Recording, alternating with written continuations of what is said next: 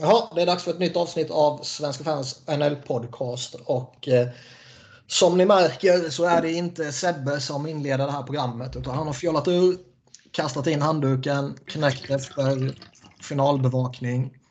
Och det där var förmodligen Robin som står på toan och pissar. Nej, här är på en Pepsi. um, så när Sebbe slänger in handduken så uh, betade jag av min lista och sen kom jag längre och längre och längre och längre och längre och längre och längre och längre och längre ner. Så efter att fråga typ 75 personer kom jag fram till Andreas Skogmo. Du fick värva en gubbe från Korpen-laget. Nej, jag ska faktiskt vara ärlig och säga att eh, jag såg att du var online och då frågade jag dig. Annars tänkte jag, jag kanske är som eh, de här materialarna som sitter på, på läktaren. och sen när alla spelare tar slut och blir skadade, bara, ah, men vi får kalla in honom då. Exakt. men eh, schysst som fan du kunde ställa upp med lite kort varsel så här. Tack så mycket. Det är bara, bara roligt. Jag lovar ingenting men jag ska försöka vara snäll mot dig. Ja, ja, efter den presentationen du fick i våran podd så hade jag ju förväntat mig att få eh, tillbaka någonting. Då. Ja. Och Skogis kör ju NHL-tugg som jag har varit med i någon gång och som han kör eh, regelbundet. Så yes. jag avser att promota eh, andra saker men lyssna på avsnittet jag var med i alla fall. jag tänkte se hur länge du undviker att ens nämna att jag är med i en, konkurrerande podd. Nej, eftersom det är du så är jag snäll. Eh, Skogis är också Flyers-supporter för er som inte vet det. Så jag passar på att kuppa in en till Flyers-supporter när, när Sebbe undviker oss. Mm. Men vi gör väl så att vi, eh, ja, vi betar av det tråkiga först. Så vi går direkt in på finalen givetvis. Ja. Mm. Yay. Oh! Och det blev ju så att eh, St. Louis tog ju eh, sin första Stanley Cup-titel någonsin.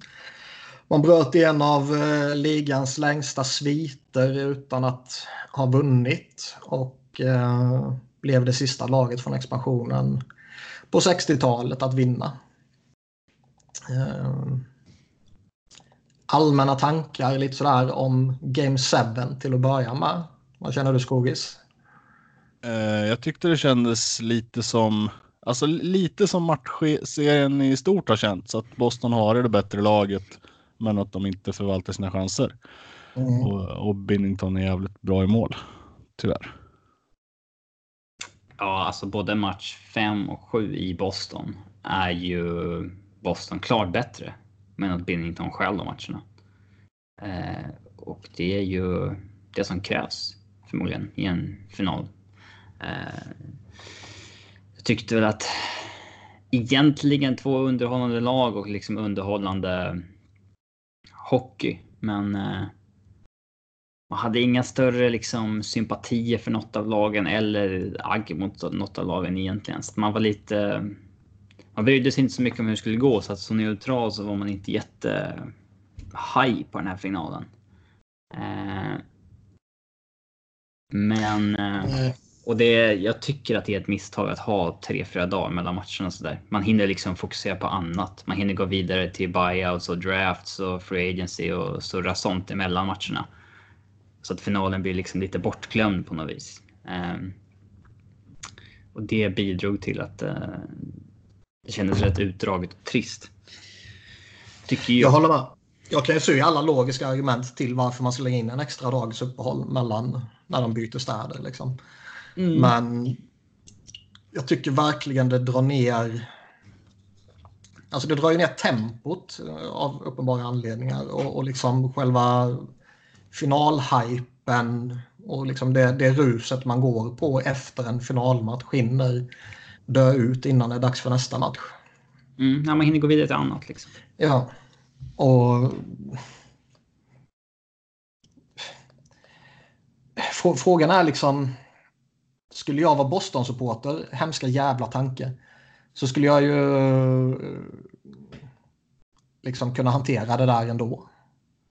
För då är man så uppe i sitt. Och det är, liksom, det är ju inga rykten om Boston eller St. Louis nu. Och det är ingen som börjar spekulera över vilken spelare som ska köpas ut eller som ska bytas eller något sånt här.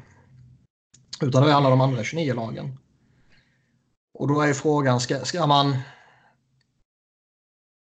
Är det liksom en, en större grej av att försöka anpassa sig utefter alla de supportrar som inte är involverade i finalen. För det känns ju som att det är de som liksom tröttnar på de här extra uppehållen. Mm. Alltså e egentligen så borde man väl skita i dem. På ett sätt. Alltså det är klart att det är mer, eh, liksom mer försäljningen vad man ska säga. Men, men de är ju inte viktigast. Men samtidigt vet jag ju inte om det gynnar de fansen som väl håller på de här lagen. Som sagt, jag tror att de, de bryr sig mycket mindre om det är en dag hit eller dit. Men jag tror inte de hade brytt sig om det var som vanligt heller. Mm. Nej, för det, ja. Det, det, är svårt liksom. Framförallt tycker jag det blir lite löjligt när det är två lag som ligger så nära varandra geografiskt som de ändå gör i, i relation till vad det skulle kunna vara mot eh, västkust och östkust. Ja, exakt. Alltså man skulle ju absolut kunna göra ett case för om, om det hade varit Anaheim och, eh, och ja, vi tar Philadelphia i det här exemplet då, som hade mötts i, i final. Då är ju tidsomställningen ganska stor och ja, det blir liksom mm. lite dåligt på det sättet. Eh, men nu är det, vad är det, skiljer det en timme eller två? Mm. Eh, så att ja, nej, jag vet inte fan, det, det, det tog ju lite udden av det, men sen ska man väl vara ärlig och erkänna att man faktiskt var lite avtrubbad ändå. Och att man inte var så het på finalen. Flyers som inte gick till slutspel heller som ni håller på. Alltså er, er säsong har ju varit över sen hur länge som helst. Alltså det känns ju som att. jag är medveten om det. ja, ja. men jag, jag hejar på Al som åkte ut i liksom, det var ju det femte sista laget kvar. Eh, det stod ju mellan dem och Sharks i Game 7. Liksom. Och eh, det känns som att det var liksom hur länge sedan som helst kvar i slutspelet. Mm. Så att man liksom har släppt slutspelet för länge sedan som är supporter också. Liksom. Och då alla som inte hade ett lag i slutspelet, de måste ju ha släppt taget mycket tidigare. Liksom. Fast jag är lite sådär att ibland så givetvis vill man ha sitt lag i slutspel såklart. Men ibland kan man uppskatta slutspel på ett annat sätt när man själv inte är med. Ja, men det är typ som med fotbolls-VM Sverige inte är med. Mm. Nej men exakt, när, när Sverige är med där som de var här senast, det var ju en fantastisk jävla sommar. Men man våndas ju dagligen över matchen som precis spelats eller som matchen som ska spelas om tre, fyra dagar. Och... All mediafokus hamnar på Sverige liksom och sådär. Ja. Och du, får ju, du tar in hela mästerskapet mycket mer om Sverige inte är med. Mm. Uh... Så det, det, är, alltså är Flyers inte med så det påverkar egentligen inte mitt intresse generellt sett i, över slutspelet. Sen är det många supportrar som om ens egna lag inte är med så skiter man i slutspelet liksom. Men jag tycker ändå att det, detta slutspelet, det var liksom, visst det är ju charmigt som fan med alla de här skrällarna och det är skoj när man ser de stora favoriterna falla på så anmärkningsvärda sätt som de gjorde med, med Tampa i spetsen då. Men när man inte får se de bästa lagen i sin bästa form så tar det också lite udden ur slutspelet. Alltså det blev väl lite så. Jag, alltså jag kan känna att de här, jag, jag pratade med Simon Strömberg om det här idag, att det, det är liksom de två lagen som är i final är liksom inga lag man vill se vinna. Det, jag, jag kan ju uppskatta att se andra lag vinna om det liksom finns någonting roligt bakom. Det hade ju ändå varit lite kul att se Big Joe vinna sin, sin cup där och liksom hade, hade Tampa vunnit så hade det på något sätt varit en logisk vinst för att de har varit bäst genom hela säsongen. Mm. Uh, och sådär liksom. Men de här två lagen kändes liksom ja, tråkigt att Boston vann igen. Uh, St. Louis, visst de fick sin första kupp och det fanns lite stories där och O'Reilly hade tappat sugen på hockey och, och allt det där liksom. Ja, sist men, i NHL i januari liksom. Och ja, exakt. Den, det, fa det fanns ju stories där. Svårslagen, liksom. Men, men om vi går in på den storyn då. Eller vad, hade du något mer? Nej, men jag, jag, jag menar trots allt det här så hade inte jag någon feeling för den då. Liksom. De här lagen. Jag tyckte ju att det var roligare tidigare under slutspelet. Till exempel med Avs och med, med Carolina som var liksom roliga att, att titta på. Wildcard Chaos Squad. Ja, men lite så. Ja. Men Dallas hade ju liksom St. Louis. 3-2 i matcher. Ja. De, eh, det blev tight. Snacka om alltså hockey, att det är så jäkla... För, för allt vi liksom så här, vi hyllar spelarna till skyarna för att de vinner och liksom gör avgörande mål och så vidare. Men liksom hur, hur jäkla slumpartat det är egentligen allting. Alltså... Första perioden i Game 7 är ju liksom en ty typisk eh, period i det faktumet att man liksom inte kan hockey är inte logisk liksom. Nej, det ska ju vara 2-0 Boston, inte 2-0 St. Ja. Louis där. Och vad var det första två, tre minuterna typ var i St. Louis. Då var det de som var påkopplade. Men sen bara är det ju Boston 100% rätt in i slutsignalen. Men det är St. Louis som leder med 2-0 i paus.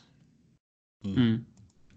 Eh, Jordan Bennington gör bara i första perioden men typ tre stycken sanslösa räddningar. Man kan acceptera att det är så i en Game 7. Liksom, att det är ju en match det avgörs och små marginaler kommer avgöra hela säsongen. Men liksom mm. hur... Eh, ja, men liksom hur jäkla slumpartat hockey är egentligen. Att det, St. Louis hade lika gärna kunnat åka ur mycket, mycket tidigare. Liksom. Eh, men... Eh, och Binnington Alltså Binnington-storyn är ju också en story i sig. Eh, han var ju liksom... Det är ju en story som är eh, väl värd att uppmärksamma. Men det ja, är också... Och den, Frågan är om det kommer få ringa på vattnet i hur lagen jobbar med målvaktrekrytering kommande åren. Det fick ju ringa på vattnet när Anthony Jim och Michael Layton hade sin liksom, duell i Stanley Cup-final 2010. Du var tvungen att ta upp den uh, ja, men liksom, där bevisades ju att man kunde gå till final utan att ha en målvakt som kostade 6 miljoner dollar. Liksom. Uh, och nu vet vi inte vad Binnington kommer få, men uh, och han, han landar inte på några sanslösa slutspelssiffror egentligen, 91,4. Men det här är en målvakt som inte fick plats i St. Louis farmalag i fjol. Så de fick låna ut honom till Bostons farmalag. Eh, ironiskt nog. Eh, så han spelade ju Providence Bruins i fjol och det har inte funnits någonting i hans liksom, spel som antytt att han eh, är, fram, är en framtida etta. Men visst, han är 25 år och blev draftad i tredje rundan. Och det är väl typ när man är 24-25 som man brukar komma fram liksom, som målvakt. Det är inte alla som kommer fram när man är Matt Murray, Carter Hart eh, ålder liksom. Men känns det ändå inte som att när du kommer fram i den åldern så har du ändå varit uppe och gjort någonting i NHL tidigare. Du har testats här och där på något sätt. Han kommer med 13 minuters NHL-spel bakom sig. Ja, han, har gjort 40 matcher i East Coast Hockey League också. Det är ganska mm. mycket liksom, för att vara en målvakt. Eh, eh, så att, ja. Men vi har, är han ju, alltså, vi har ju han är ju så långt ifrån en likable character som man bara kan komma. Det går, det går ju inte att beundra honom med tanke på vilket jävla rövhål han verkar vara. Jag har ingen koll på hans karaktär så, men det, det är många. Det finns ju många målvakter som har kommit in i ligan i hans alltså, ålder. Alltså så ganska ja. sent. 25, mellan 25 och 30 och sen blivit riktigt etablerade. Mm. Mm. Frågan är, alltså han är ju så fascinerande. Han, han, han kommer in och från det att han kommer in och givetvis går han ju in och tar sin första seger genom att nolla Flyers. Um... Minns ni vad jag tänkte inför matchen? Alltså, oh, nu kommer den här killen debutera. Ja, man satt ju och väntade på att han skulle storspela. Det, det visste man ju att han skulle göra. att det skulle, att det skulle vara Ja, att det skulle vara början på, på en sån här resa, det såg man ju kanske inte dock. Ja, mer logiskt hade ju varit att han hade varit svinbra den matchen och sen klappkast resten av sin karriär. Exakt. Men han går ändå in och från det att han uh, i januari där spelar in i, i slutet på grundserien så är han ligans bästa målvakt. Om man tittar på räddningsprocent och lite sånt här i 5 mot 5 spelet. Men och som Robin var inne lite på, han, han kommer ju inte med överjävliga siffror från slutspelet. Och tittar man liksom lite på, på matcherna han förlorade i finalen så gör han det genom att snitta fyra insläppta mål per match. Mm. Vilket... Men de, de, alltså, match fem och sju stjäl han ju. Ja, absolut. Han stjäl två matcher och han eh, ja, släpper en del puckar och rätt fladdriga puckar också om man säger så i, i förlusterna. Så han är ju antingen svinbra eller typ lite medioker. Jag har ju tidigare sagt att jag gillar inte när målvakter får Conn Smythe för att, alltså, bara för att de har vunnit. Alltså alla lag som har vunnit har ju haft en hygglig målvakt på vägen. Alltså, eh, men med tanke på att han själv match 5 och 7 som han gör och eh, så tyckte jag att han där och då att han skulle ha Conn Smythe. Det känns väl som att eh, om, eh, om Boston går och vinner så är ju Tukadask självklart att få den. Mm. Han, han jag tror ju, att han, han hade nog fan kunnat få den ändå. Det var ju lite snack om att han kunde bli den första på ett tag som skulle få den även om de förlorar. Men ja. i och med att det var en sån match där han släpper in ett par enkla och fyra, då de röstar ju liksom där och då. Mm. Eh, hade det blivit 0-0 och det går till OT eh, och St. Louis vinner, då hade nog folk kunnat rösta på Rask ändå. Eh, men... Ja, eh, absolut. Och det skulle faktiskt inte vara orimligt. Sen tycker jag liksom lite att ska man som förlorare vinna Conn Smythe Trophy så tycker jag lite att man ska göra det genom att ta en riktig underdog och ta den till liksom ett mål från Stanley Cup-titeln. Typ. Nu är ändå Boston går in i slutspelet som ett av de bästa lagen och, och liksom är favoriten i finalen. Och nog för att vara duktig och han kanske ändå är slutspelets MVP. Men ja. jag tycker nog ändå inte att han ska få den nu när de torskade. Nej, alltså jag kan hålla med om nu när de torskade kanske han inte ska det, men jag tycker nog fan att han uppfyller egentligen alla kriterier ändå med tanke på att de för, spelarna som skulle vara ledande mm. inte presterar. Den första kedjan sviker ju de i finalen. Ja. Exakt. Alltså i finalserien. Pasternak gör två mål och två assist. Bergeron gör eh, 1 plus 3. Marchand gör 2 plus 3. Det är ju inte i närheten av att vara tillräckligt bra för vad den första kedjan behöver göra i Boston. För även om Boston har ett fint djup och, och har fått igång lite av den här gamla lagmaskinen som de var bra när de var bra senast så att säga. Så, så är det fortfarande en, ett lag som är, likt i princip alla lag för den delen, sjukt beroende av sin första kedja.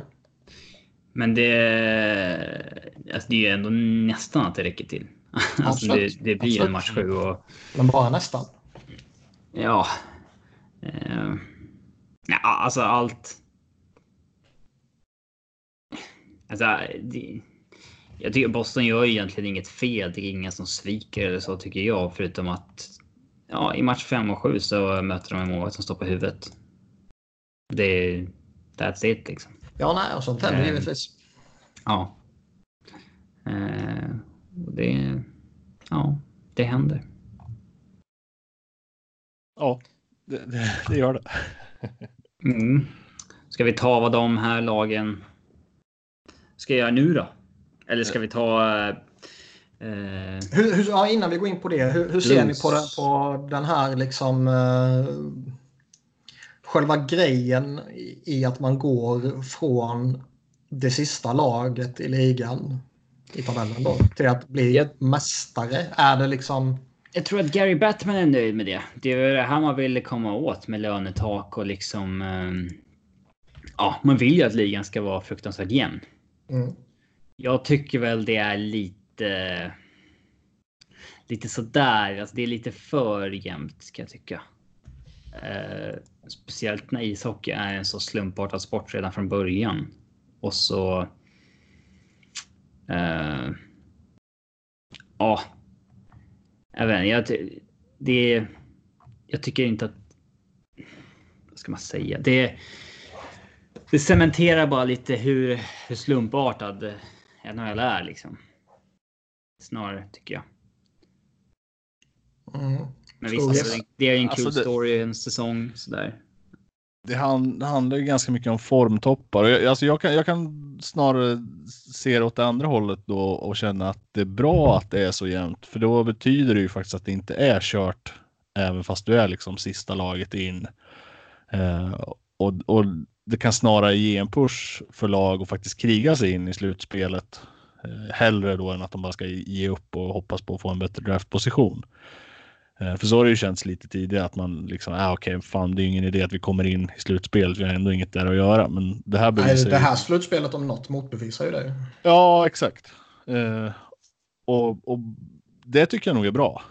För då, då kan lagen snarare få komma med lite medvind in i slutspelet och känna att ah, men fan, vi, det är inte omöjligt att vi rubbar de här stora eh, lagen. Och, ja, och det tror jag väl är positivt. Jag känner ju att den storyn är lite överdriven. Så, så tillvida liksom att St. Louis var ändå en av, eller ett av lagen som pekades ut som en möjlig mästare inför säsongen. Ja, de fick en slow start och bytte coach och hade ingen målvakt. Liksom. Nej, och sen fick de en målvakt och sen tog det en jävla fart. Och sen från, från januari och framåt där så var de ju ligans bästa lag och att de skulle vara absolut bäst. Det kanske man inte hade sett inför säsongen sådär. Men att de skulle vara rätt av lagen som, som var där och sniffade, det, det såg man ju helt klart. Det var ju inte något tippat bottenlag som hastigt och lustigt gick på en sån här Ottawa solskens story eller St. Louis solskens story. Och, och liksom Ja, verkligen.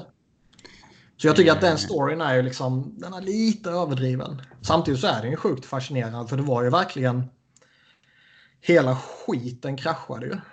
Det var liksom Tarasenko ryktades vara på... Ja, där undrar man mark- nära det var att de tryckte på knappen. Ja, alltså Armstrong har ju själv sagt att han var nära att spränga lagbygget under den perioden. Liksom. Och det har ju rapporterats om att Jay Boomeister att han var en dag från att hamna på waivers. Och sen avslutar han grundserien med ett nytt kontrakt och han spelar, Spelar. mest av alla i finalen. Eller i Game 7 då. Ja, jag såg att några skrev en, alltså så här att och sen när Pittsburgh vann, då var det Ron Hainsey som spelade mest i finalen. Mm. Och eh, när Boston vann sist var det Seidenberg som spelade mest i finalen. Mm. Det, man vill inte veta vilka coacherna helst, alltså vilka de litar på. Som mest, när det är liksom, Veteran presence. ja, men när det är liksom must win. Vilka de faktiskt litar på då. Det, det är skrämmande att se. Men eh, ja, Mm. Hacks- rätt kan det vara. Högstad i eh, final, lira AMAC 27 minuter. Ja, för fan. två, två år sedan. Stor trade för Braden Chen. Uh, ger upp Jordi Lehtare och första val typ va? Helt sjukt att man bytte Braden Chen mot Jordi Lehtare rakt av. Ja, Eh, var det första och andra? Två första. Två första. Okej, det blev två första alltså. Det är ju mycket. ja det är en bra trade. Alltså, Ja. Ja, alltså två, två första val och sen var det ju topp 10 protected andra året. Och sen blev det väl 14 va? Ja, jag minns inte det, men det blev Joel Farabee och eh, Mm. Morgan Frost i alla fall, vilket är våra två största prospects idag. Så det är ju det är en trade jag skulle göra om. Ja, jag var, Ja.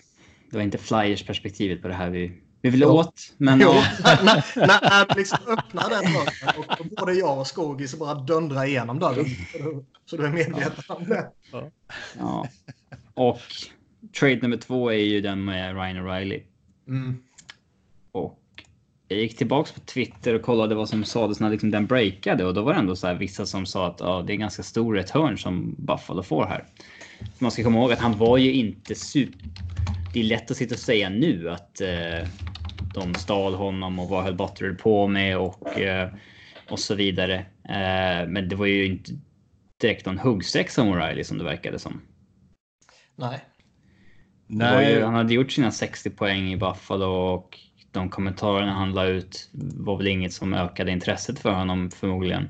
Nej, han hade tröttnat på hockeyn och de hade tagit glädjen från hockeyn från honom eller vad fan det var. Ja, eh, men det de ger upp för honom är ju ingenting. Det är ett första val då som var. Det var ingen panik egentligen när de låg sist, för det var också top 10 protected. Mm. Eh, och andra rundsval. Sen Sobotka och Berglund och en halvhygglig prospect då i Thompson. Eh,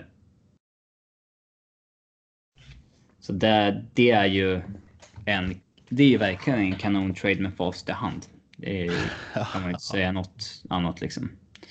Eh, då kändes det kanske som att Berglund och Sobotka skulle bli hyggliga roster players i alla fall för Buffalo. Men nu med fast hand så är, ju, så är det ju bara två dåliga kontrakt som de eh, blev av med. Ja. Mm. Det var ju liksom lika mycket värt som att få O'Reilly i princip. Eh, han har ju gjort fascinerande grejer här Armstrong de senaste åren. Uh, alltså ni kommer ihåg när han skeppade ut Stasny inför trade deadline och, och, och det började ryktas om att liksom, det var, var jättemissnöjda inte... inom, inom truppen. Ja, han skickade ut Ke Kevin Shattenkirk innan dess också som ju i, i och för sig inte har blivit någon succé nu mot slutet här men där och då ändå var ett väldigt attraktivt namn. Han var ju bra i, i blues. Mm.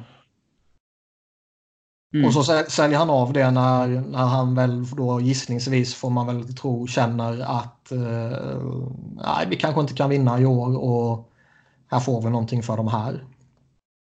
Mm. Eh, och nu alltså anledningen går, till att han, han går kan... ut och förstärker laget. För det är ju dels O'Reilly-traden och sen så plockar han upp Tyler Bosak också. Alltså, bara för att man liksom är eh, en contender så kan man inte skicka all, alla picks man har mot liksom eh, en nyckel i att kunna, kunna göra de här traderna för Chen och O'Reilly. Liksom. Det är för att man har fått in första val också för Stasny, för Chattenkirk och för oh, Ryan Reeves. Eh, eh, även om man bytte ett andra och ett första där. Liksom, så att det var med att man gick upp i draften bara några steg. Men ändå. Men liksom, då har man då. Man känner sig tryggare med att skicka något val då liksom. Mm. Om man har fått in några också. Ja, och det är ju jävligt gutsy att göra på det sättet. Eh, också kan jag tycka. Mm. Och det har ju betalat av sig nu. Då. Ja, det är lite Men... svårt att köpa det där. Alltså, antingen är man i win now mode och då ska man inte trada till sig några picks någonsin. Liksom.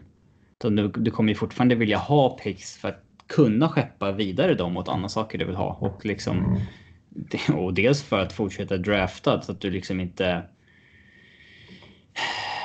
Alltså titta på Boston nu som har draftat Pasternak och McAvoy. De har liksom förlängt sitt fönster med tio år. Mm. Medan Rangers som skickade alla sina första val. Ja, till slut var ju fönstret stängt. Nej, men så är det. Ja, absolut.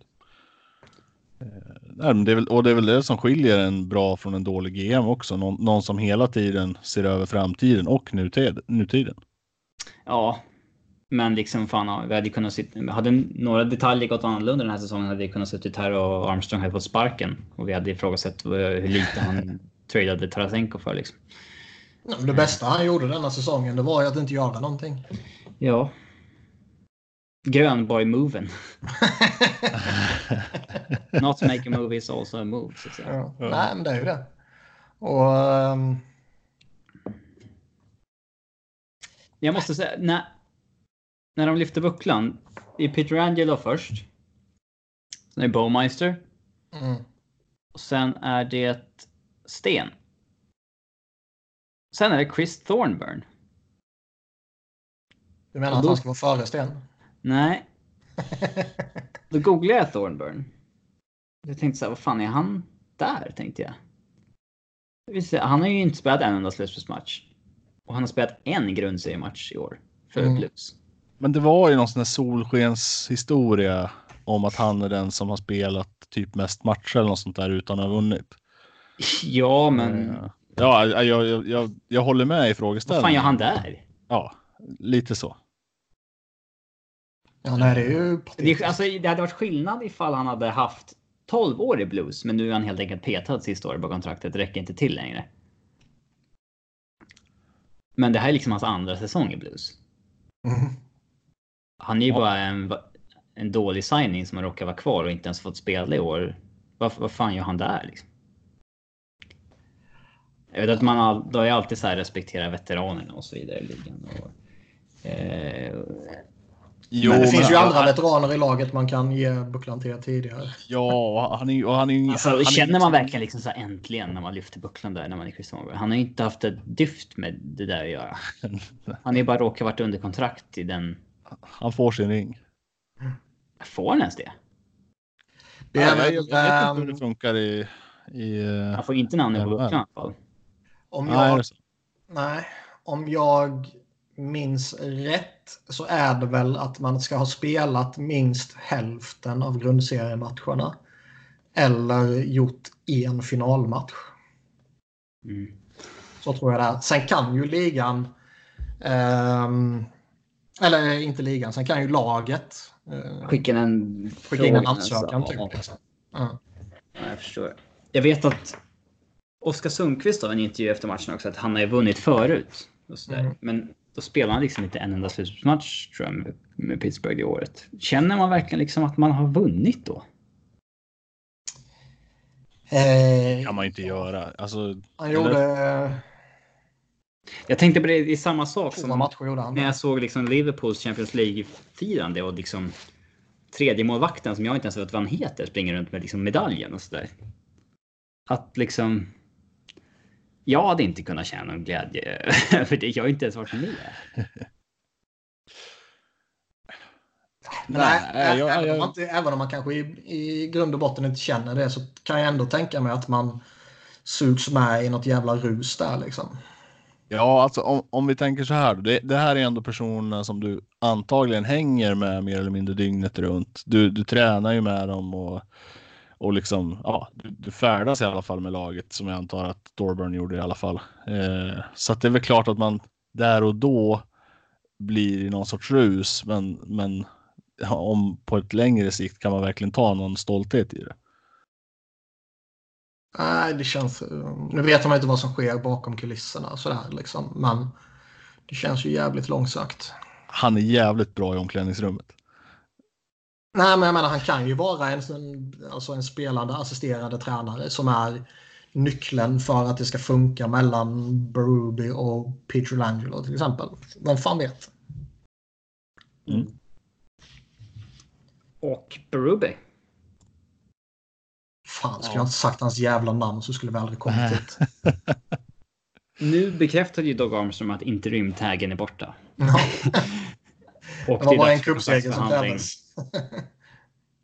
Carl Gunnarsson hade sagt till Erik Granqvist att Berube är ingen coach som ritar särskilt mycket på taktiktavlan. Utan det är bara eh, liksom accountability. Mm, Och att gör du inte jobbet så får du inte vara med. mm. Och personligen så är det väl kanske inte den coachen som jag liksom hade velat committa till long term. Nej. Det kanske funkar två år. Det kanske funkar fem år till och med. Men alltså. Troligtvis inte. Men Jag har å jag andra sidan, man byter ju coach var tredje, fjärde år ändå. Ja. Jag har ju sagt något sånt här. Att jag, jag tror att Berube, eh, han är ju vad allting tyder på en skön snubbe.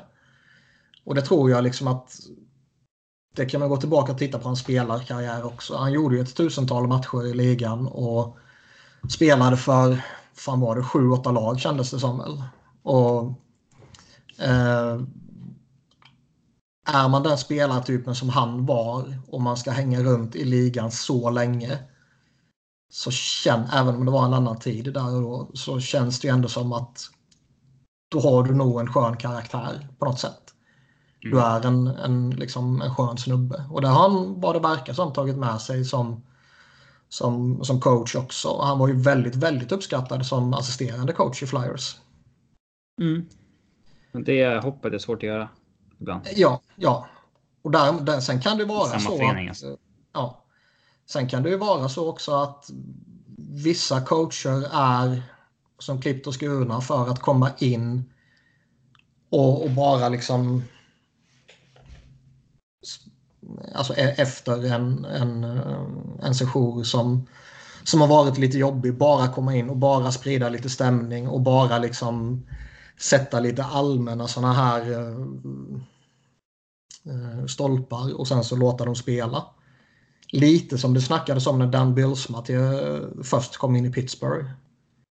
Då var det liksom att nu kommer han in och tar över här och, och liksom, de är trötta på skiten som varit tidigare och han bara låter dem spela och låter dem ha skoj och så vinner de kuppen och så tror folk att han är the next big thing. Mm. Uh, nu kanske Berube har han kanske lärde sig sjukt mycket av det han gjorde och inte gjorde i Philadelphia och han kanske har tagit åt sig av all feedback han har fått och utvärderat alla misstag han gjorde och sånt där och blivit en genuint duktig coach. Det visar sig ju så småningom. Men uh, man är ju fortfarande lite skeptisk. Ja. Sen är det nu, säga, alltså... nu kommer han ju till ett bättre lag än vad han hade i Flyers. Han kommer till ett lag som har en målvakt som är överjävlig. Och om du har en överjävlig målvakt så har du vad det framstår som en kompetent coach också. Ja, mm. alltså det är inget snack om att det är klart att han ska få chansen att köra vidare. Ja, herrejävlar. Det är inget snack om saker. Det intressanta är ju vad han får för kontrakt. Hur mycket är kuppringen värd liksom? Och, och vad får Binnington för kontrakt? Ja. Jordi B. Då kan vi gå in på vad, vad sommaren har att hämta av eh, St. Louis och sedermera också Boston Bruins. Det känns väl som att vi har fått med det mesta från finalen i alla fall, så vi kan väl lämna den då. Ja. Vi går in på Blues då. Finalen som kommer vara glömd om en vecka. Det kommer vara så här, vilka ja. var det som möttes nu igen? ja. Det känns ju som att man bara väntar på att det ska komma en, uh, en stor signing eller en stor trade och då kommer folk bara glömma finalen. Mm. Men uh, vi går in på Blues där och uh, ja, vi börjar väl med den mest intressanta. De har ju liksom en intressant spelare på utgående kontrakt och det är ju Jordan Binnington. Ja, um, Maroon också. Jo. Han finns ju risk att han får ett dåligt kontrakt. Ja, absolut. Jag menar inte så, men jag menar liksom. Binnington är ju i en klass för sig här. Mm. Eh, han kommer in, han är som sagt, som vi sa tidigare, ligans bästa målvakt från det att han kommer in i januari under grundserien. Då om man tittar på lite statistik i 5 mot 5-spelet. Och han går och vinner kuppen. Han eh, rånar Boston på segern i Game 7. Han är väldigt framträdande i Game 5 och han är givetvis en eh, klart kompetent målvakt även tidigare i slutspelet. Det känns som att han kan få allt ifrån 7 gånger 7 miljoner till typ ett ettårskontrakt för att han ska visa att han kan göra det här igen innan han får sitt stora kontrakt. Eller? Tror, tror, tror vi också att det finns en chans att han vinner Calder? Kanske en annan diskussion, men lyfter ändå frågan. Nej. Ja, så skulle de ha röstat nu så skulle, det ju, skulle han ju tagit storslam på allt och alla. Då skulle de väl utsett till bästa backen också typ ju. typ. Men, men uh, jag är inte så jävla övertygad om det ändå alltså. Nej, ja, alltså, Elias. Jag tror att Elias vinner, men, men han har ju gjort precis allt som står i hans makt för att han ska kunna mm. utmana vet, på riktigt. Ja, man vet ju aldrig med de här jävla röstningarna heller, för det är ju jävligt mycket recent bias där. Och Elias Pettersson dippade av lite mot slutet medan Bennington spelade bra in i slutet. Liksom. Ja, och med slutspelet så spelade ju Bennington och Elias Pettersson typ samma antal matcher. Mm. Uh, roughly. Sådär. Uh, mm. Men ja, det, det, är som sagt en annan diskussion. Men, jag tror men, det ska mycket till om målvakt ska ha det. Ja. Nu var det i och för sig mycket till. Alltså, Ja, de exakt. ju Alltså, sist, men ändå. vad, vad mer ska han göra? Ja, vinna Ja, cupen. Steve Mason, vad tog han? 10-0 eller någonting det året han vann den. Ja. Men eh, Men för att återgå till kontraktssnacket då. ja, antingen så tror jag att man går typ 5 gånger 5 på honom. Eller att det blir så här. ja, ett år på. Ja, någonting högt, blankt liksom. Eh, alltså typ ett år på 5 mil eller fem år på fyra kanske. Något Mm. sånt. Alltså det, här- tycker jag att han, det här är ju i bästa fall, skulle ha ett Mikko Koskinen-kontrakt. Tre Mm. år och på fyra och en halv. Men han kommer ju inte acceptera att bli sämre betald än Allen. Ja, Allen har väl 4,3. 4,35. Mm. Ja, det är, alltså, jag, jag vet inte fan vad jag ska tycka om honom. Eller Jag hade, jag hade satsat på ettårskontraktet i alla fall. För jag är oerhört svårt att se att han... Alltså om jag var Armstrong. För jag är oerhört svårt att se att han ska vara hetare nästa år när det är dags att skriva nytt.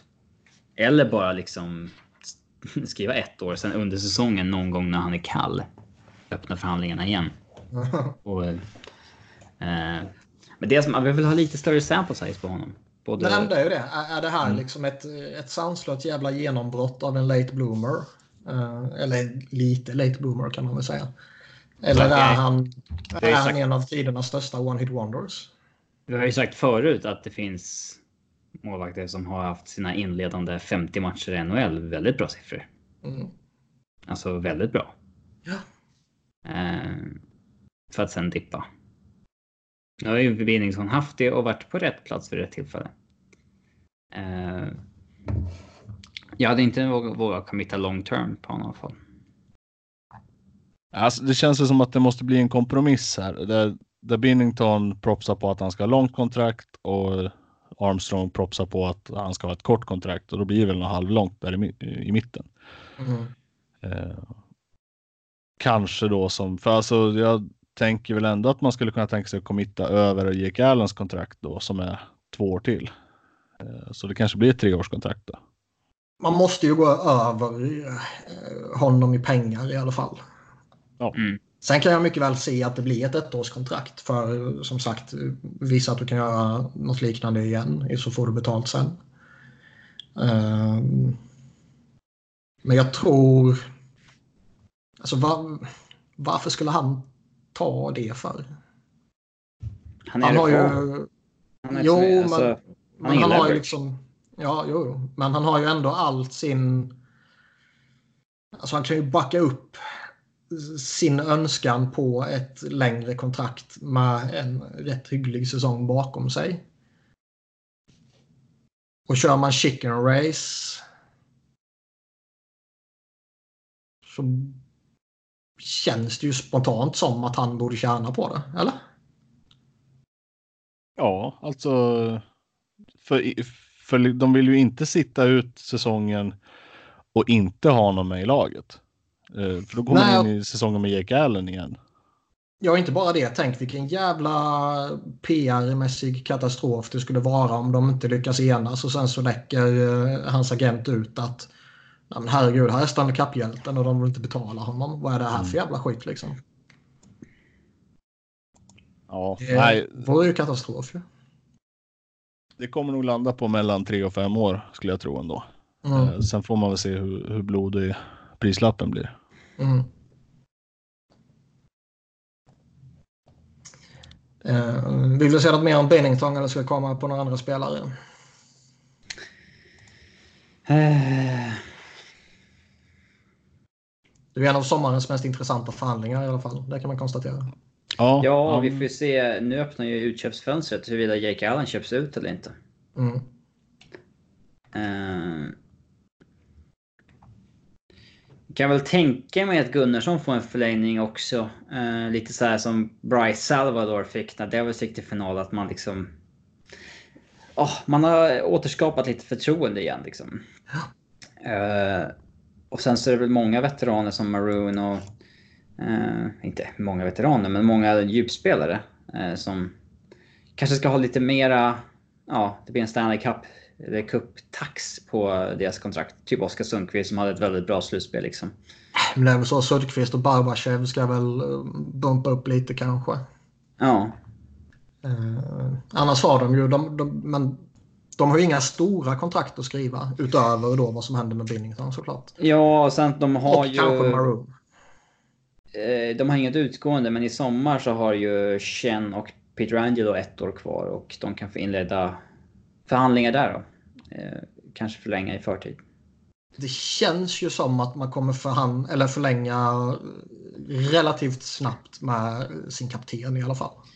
Ja, men jag börjar känna, alltså det, det verkar vara en enorm trend. Eller jag tror att vi går mer och mer mot att spelare som är UFA om ett år inte kommer vilja prata. Mm. Frågan är dock. Eller alltså allmänt att man förlänger inte ett år i förväg utan man tar det den sommaren när man går ut. Då har man bäst kan det- kan det- förhandlingsläge. Kan det vara en generationsfråga också? Nej. Är det snarare så att det är de yngre som är eh, redo att göra så medan de äldre liksom, men så här gör vi i hockey, punkt. Det är nog ganska adentstyrt va? Ja, kanske.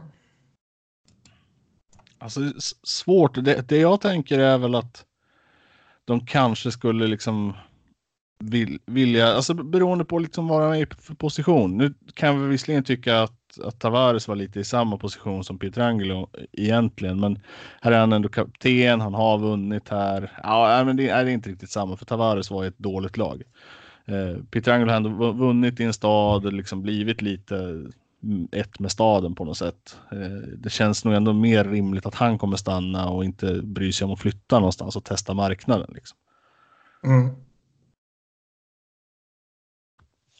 Eh, Jag, jag, jag tror att mycket sånt har, har att spela in. Har du vunnit så tror jag att du är mer cool med att stanna i laget. Det håller jag med om. Peter Angelos förhandlingsläge nu är väl troligtvis bättre än nästa sommar också. Ja. I alla fall gentemot Blues själva. Eller ja, man är väl alltid bättre när man är U- alltså UFA i och för sig. Alltså... Det är ju svårt att vara i ett bättre läge. Som, Men han, ja, det känns ju som att han, han, han är hetare nu. han är hetare nu och han ska ju rida på den här jävla ruset som går igenom hela organisationen. nu. Mm. Alla får pengar. Pengar är. Mm. Han har en ganska Men- svag grundserie egentligen. Ja, absolut. Men det känns som att han, om han går in och börjar förhandla nu, han har ju inga problem att, att få ihop ett, ett stort kontrakt. Liksom. Skulle Ryan O'Reilly ha ett år kvar så har inte han några problem att få ihop ett stort kontrakt heller. Det, är- det är ju ändå de här nyckelspelarna som gick eh, lite längre än alla andra så att säga för att vinna som, Mm. som kan sätta sig i ett sånt läge. Och nu är det ju bara Peter Langelo som är aktuell för det med tanke på att det bara är han som har ett år kvar av de eh, extrema nyckelfigurerna. Mm. Men Pat Maroon då? Vad fan ska han ha? Han snackade ju något idag om att uh, all time hockey is back. Mm. Alltså det är en solid spelare. Jag hade gärna haft honom i, i mitt lag. Och ytterligare en vi kan addera till listan av former flyers som går och vinner. Liksom. Uh, uh, Maroon Chen Berube nu. Del Soto? Del Soto, ja. Mm. ja. Han var inte med och vann riktigt. Så att, ja. Han var med lika mycket som Thorman. Mm. Men... Eh, tvåårskontrakt på... Två och en halv kanske. Jag kan mycket väl se att han kan få lite term. Ja. Jag är bara 31 ändå, men ja. Ja. Sen är han ju, han är ju sjukt överhypad eh, baserat på vad han faktiskt gjorde. Han var ju bättre för... Han var ju bättre i Oilers liksom. Han Ja. var yngre. Mm. Ja. Ja. Eh, sen visst, det är en solid spelare att ha i djupet så här och, och, och den fysiken han, han bidrar med är ju alltid ett, ett välkommet kort att ha. Men jag skulle inte kalla honom unik på något sätt. Jag skulle ju inte... Alltså även om... Även, även om jag hatar Tom Wilson av hela mitt jävla hjärta så finns det ju i honom ändå en klart kompetent spelare. Som, Ja. är, som är något helt annat än vad Pat Maroon är. Ja, Ja, helt annat. alltså, alltså i alla fall vad han är. Alltså Pat, Pat Maroon har kanske varit snarare där. Eh, Ja. Om vi tar det i Han hade hänsyn ju till. 27 mål i Oilers. Alltså det, Ja. Ja, men det är några år sedan. Två Ja. år sedan är det va? Men jag tycker väl att de pengarna som Robin pratar om, eh, 2,5 mille i två, tre år, är väl någonstans ganska rimligt. Eh, Ja, ja, jag säger inte det är fel på något sätt. Jag håller med Nej. helt och hållet. Men jag kan absolut se att han får typ fyra år. Ja, och, och kanske mer pengar också. Ja. Och det är ju det som är, kan vara lite oroande.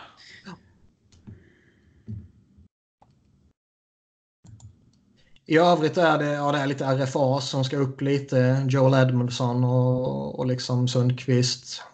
Robbie Fabry, Barbachev och sådär. Men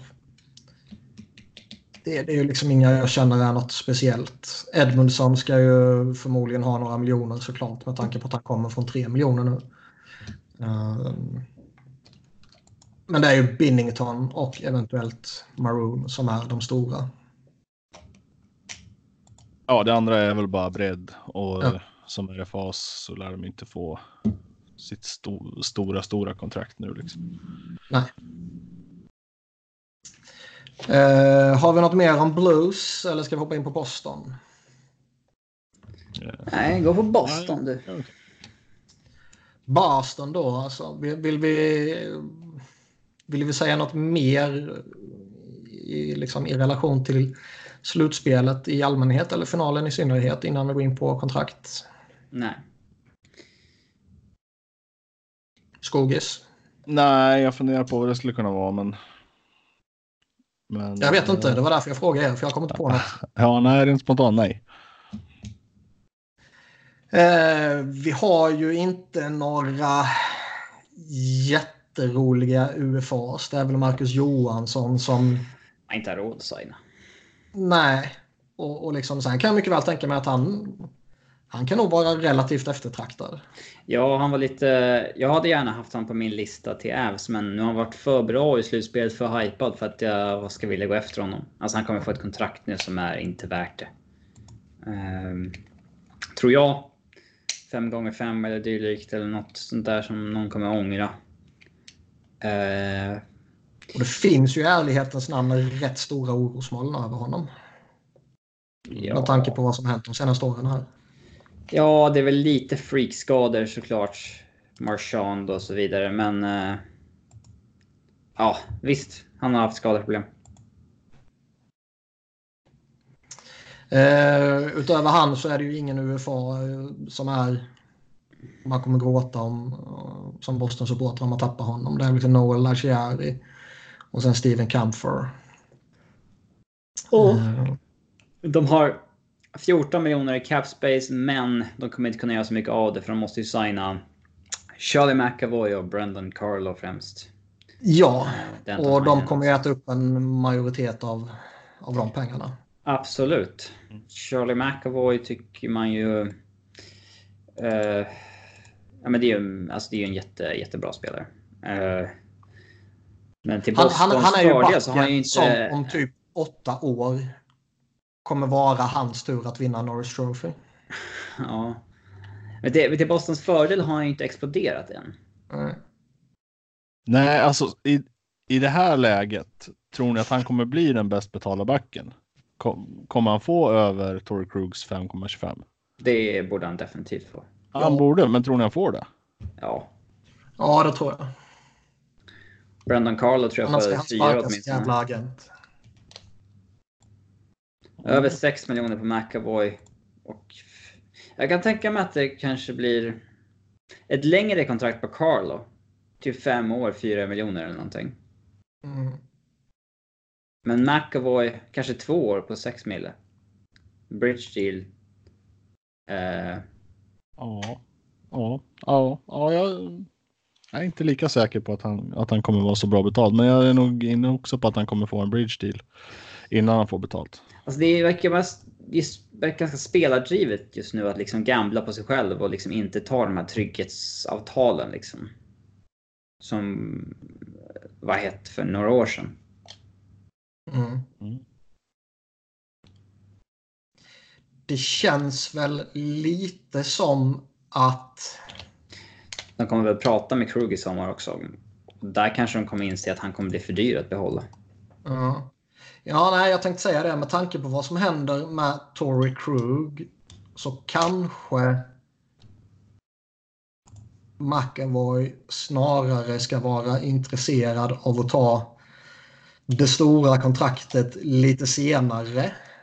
Med tanke på att det är liksom Tory Krug som ankrar powerplay. Skulle han försvinna mm. nu eller om ett år så är det väl bara ett alternativ till vem som kan ersätta honom i powerplay egentligen. Om, om man bara tittar på vad de har tillgång till i dagsläget då givetvis. Mm. Då kommer han spela där och då kommer hans poängskörd rimligtvis öka. Mm. Ja, nej, men jag, ja, det är lite det jag tänker också att han kommer ha ha några bättre säsonger framför sig lite längre fram och då kommer man kunna casha in ännu mer. Mm. Eh, men i, i, övrigt så är det väl inga såna jättekonstiga grejer de ska göra heller utan det är bara. Anton Heinen. Ja, fylla, fylla på. Med, ja, jag vet inte vad det kan bli men någon ska väl ersätta Marcus Johansson eventuellt. Ja, eh, sen har de väl inga kontrakt som ska börja förlängas nu till sommaren heller utöver Tour Krug där såklart. Om man inte känner att man kan få någon till att signa det här kontraktet som Robin var inne på där man tar väldigt long term mot ett billigare kontrakt i en mm. Någon, någon lite depth-spelare så att säga. Ta ett schysst Kalle Järnkrok-kontrakt. Ja, typ. Eh, har vi något mer om Boston eller ska vi lämna finalen? Eh, vi kan väl eh, lämna den eller? Mm. Ja, de kommer ju tugga vidare nästa år med ganska samma lag känns det som. Jag tror mm. inte att de kommer eh, skeppa Krug i sommar, men eh, det kanske kommer bli så under året. Mm. Ja, det var ju ändå en spekulation inför året om han skulle försvinna. Ja, alltså det, de kommer, det kan bli en lite för dyr förlängning. Mm. Det är en spelare som man absolut inte kan tappa till UFA i alla fall. Nej. Nej. Eh, vi skiter i Boston, vi skiter i St. Louis. De har fått sin timme nu. Och hoppar över på eh, lite av det senaste i ligan och landar till att börja med i Dallas. Som kommunicerar ut att man har signat Mattias Janmark på ett ettårskontrakt på 2,3 miljoner och givetvis Roman Polak till ett ettårskontrakt på 1,75 miljoner. Och... Han verkar vara ruggigt jävla uppskattad Polak. Alltså ja. av coacher och lagkamrater. Då, då finns det väl eh, någonting där liksom. Eh, såklart. Men eh, jag hade inte velat ha honom i, i mitt lag. Det intressanta med Janmark-kontraktet är att det bara är ett år det tar honom till UFA. Eh, men... Mm. Ja, alltså, det är väl ingen spelare man känner att fan vad jobbigt om vi tappar honom som UFA. Eh, eh, alltså, han var ju riktigt på gång innan han missade ett helt år där. Eh, jag hade inte haft något emot alltså det. Där, det, det kan vara en sneaky bra depthvärvning av något lag. Absolut. Eh, vi får se. Ja, alltså det kan ju lika gärna alltså, vara det. Det var med bara 6 mål och 19 assist i år så hade det kanske varit ett bra läge att få honom lite billigt på 3-4 år. Tycker jag. Ja. Andra, andra sidan är han en av depth-spelarna i år som man kanske tycker har svikit lite. Ja, alltså, jag känner rent spontant så här att det här året blir ju ett litet prove it år. Om han har ett down år till så känns det som att han typ lika gärna kan hamna i KL. Kanske, men. Alltså, det är väl kanske ett worst case scenario, men ja, jag vet inte. Det känns som en sån typ av spelare. Ja, eller i alla fall en som kanske inte hittar ett jobb direkt den första juli. Utan kanske få låta alla dominobrickorna falla innan han hittar ett jobb i så fall. Mm. Men vi skiter i Stars. Det var två intressanta spelare och vi hoppar in på Buffalo som ändå har gjort en stor grej. Mm. De signade upp Jeff Skinner eh, häromdagen på ett väldigt stort kontrakt. Åtta år, 9 miljoner. Eh, personligen så tycker jag väl att det är typ en miljon för mycket kanske. Men eh, som vi har sagt tidigare så tror jag också att Buffalo fortfarande är i ett läge där de kanske får betala lite, lite extra för att behålla spelare. Innan man faktiskt har etablerat sig som, som ett bra lag.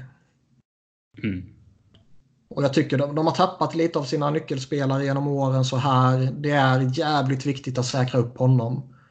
Och jag tycker inte det är några som helst problem för dem att betala de här pengarna för det Jeff Skinner bidrar med. Han är, han är liksom en av ligans bästa målskyttar. Man får fan inte glömma det. Nej, absolut. Han är ju... Man kan, flipp, man kan vända det här åt bägge, bägge hållen lite grann. Att liksom... Här är en spelare man traded för som har gjort 40 mål i år. Och han är fortfarande bara 27. Med vilja signa där på 8 år. Eh, man har problem att attrahera spelare. Han vill ha 9 miljoner näst bäst betalt forward i laget. Um, det... Uh, jag, jag klandrar absolut inte Buffalo för att man signar det, men det kan absolut komma att bli ett kontrakt man ångrar. Alltså, för det, man kan ju... Man kan ju vända på det och säga att det här är en spelare som har maxat 63 poäng. Absolut. Och mm. nästa säsong kan han lika gärna göra 22 mål. Och ska man ligga på 9 miljoner så vill man ju ändå ha lite högre garanti. Alltså kontinuerligt. Ja, det var regelbunden han... hög produktion. Så ska det vara. Ja, eh, och han har ju varit väldigt upp och ner i sin eh, produktion. Eh, det, var, det finns många andra lag i ligan som absolut inte hade... Jag såg alltså flera Avs-fans som sa att jag hade lätt signat Skinner på 9 miljoner. Liksom. Men, så här, men vad ja, vad tror du då Rantanen och Landeskog ska be om? Mm. Man kan ju inte alltså, ha en fjärde jag, bästa forwarden laget på nio millar. Nej, inte när man har tillgång till, till det ni har tillgång till där. Det, det är svårt givetvis ju. Nej, men, men här är ju något helt annat. Och jag hade kanske velat ha... Ska man betala premium för en spelare ska han kanske bidra med lite mer än vad Skinner bidrar med egentligen.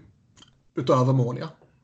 Ja, Eh, för det är ju en...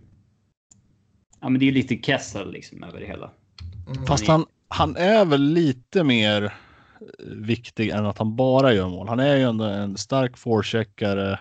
Eh, han är väl relativt skridskoskicklig, får med sig otroligt mycket utvisningar.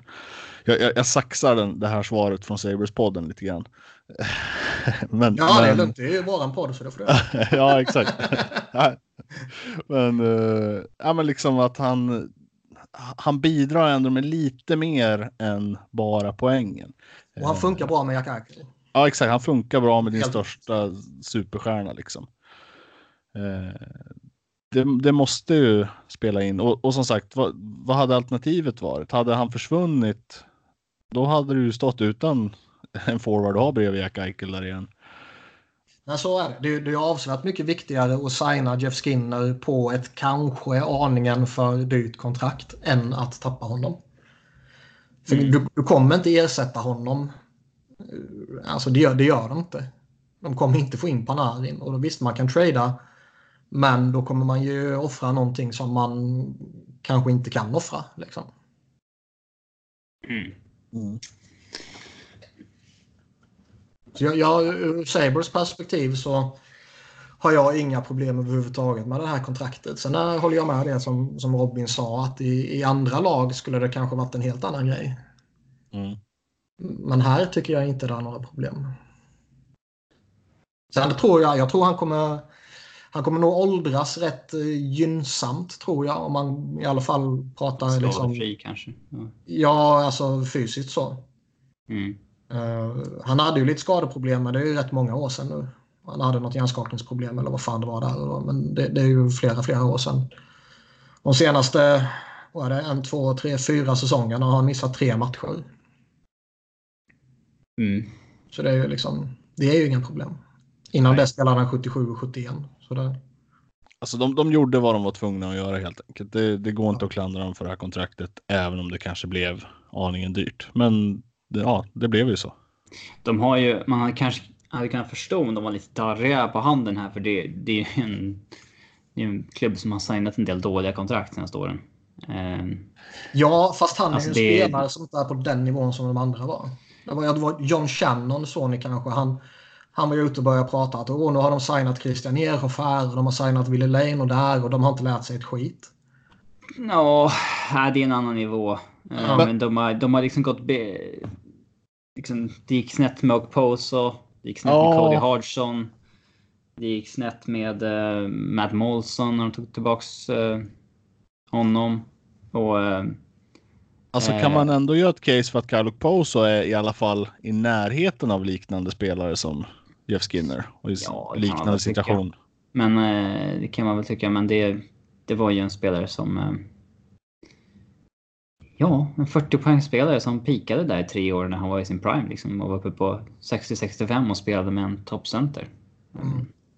Att han nu är en 40-30 poängspelare, det är väl ganska logiskt sett till hans ålder tycker jag. eh, men... Ja. Ja, men pi- pikade Jeff Skinner nu när han var 27 och spelade med en toppcenter? Han gör ju bara 23 assist i år. Det ska man komma ihåg. Mm. Att Mm, ja, men jag, jag, Hade han haft lite frågan. sämre skytte så... Han kommer inte... ja, alltså, poängen jag försöker göra är, är att jäm, jämförbart med ett dåligt kontrakt då så skulle det här lika gärna kunna bli ett Kyle Poso-kontrakt. Eh, Men även om vi kanske, alltså vi tror väl egentligen alla tre att Jeff Skinner kommer hålla bättre än vad Kyle Poso gjorde. Han åkte ju på massa skit nu dessutom så att Mm. Men jag ser ingen anledning till att Jeff Skinner ska sluta vara jäkligt streaky. Nej, och det ska ju tilläggas också att han, han har ju en, en skottprocent som sköt i taket. Ja, 15 procent i år. Han har legat historiskt sett på ungefär 11. Mm. Eh, men framförallt har han varit oerhört från säsong till säsong. Upp och ner.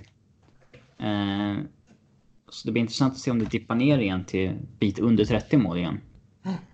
För då, då är det nog inte så glada miner i, i Sabres. vi Nej, klart, ju... det, det finns frågetecken. Det, det är inget snack om saken, det gör det.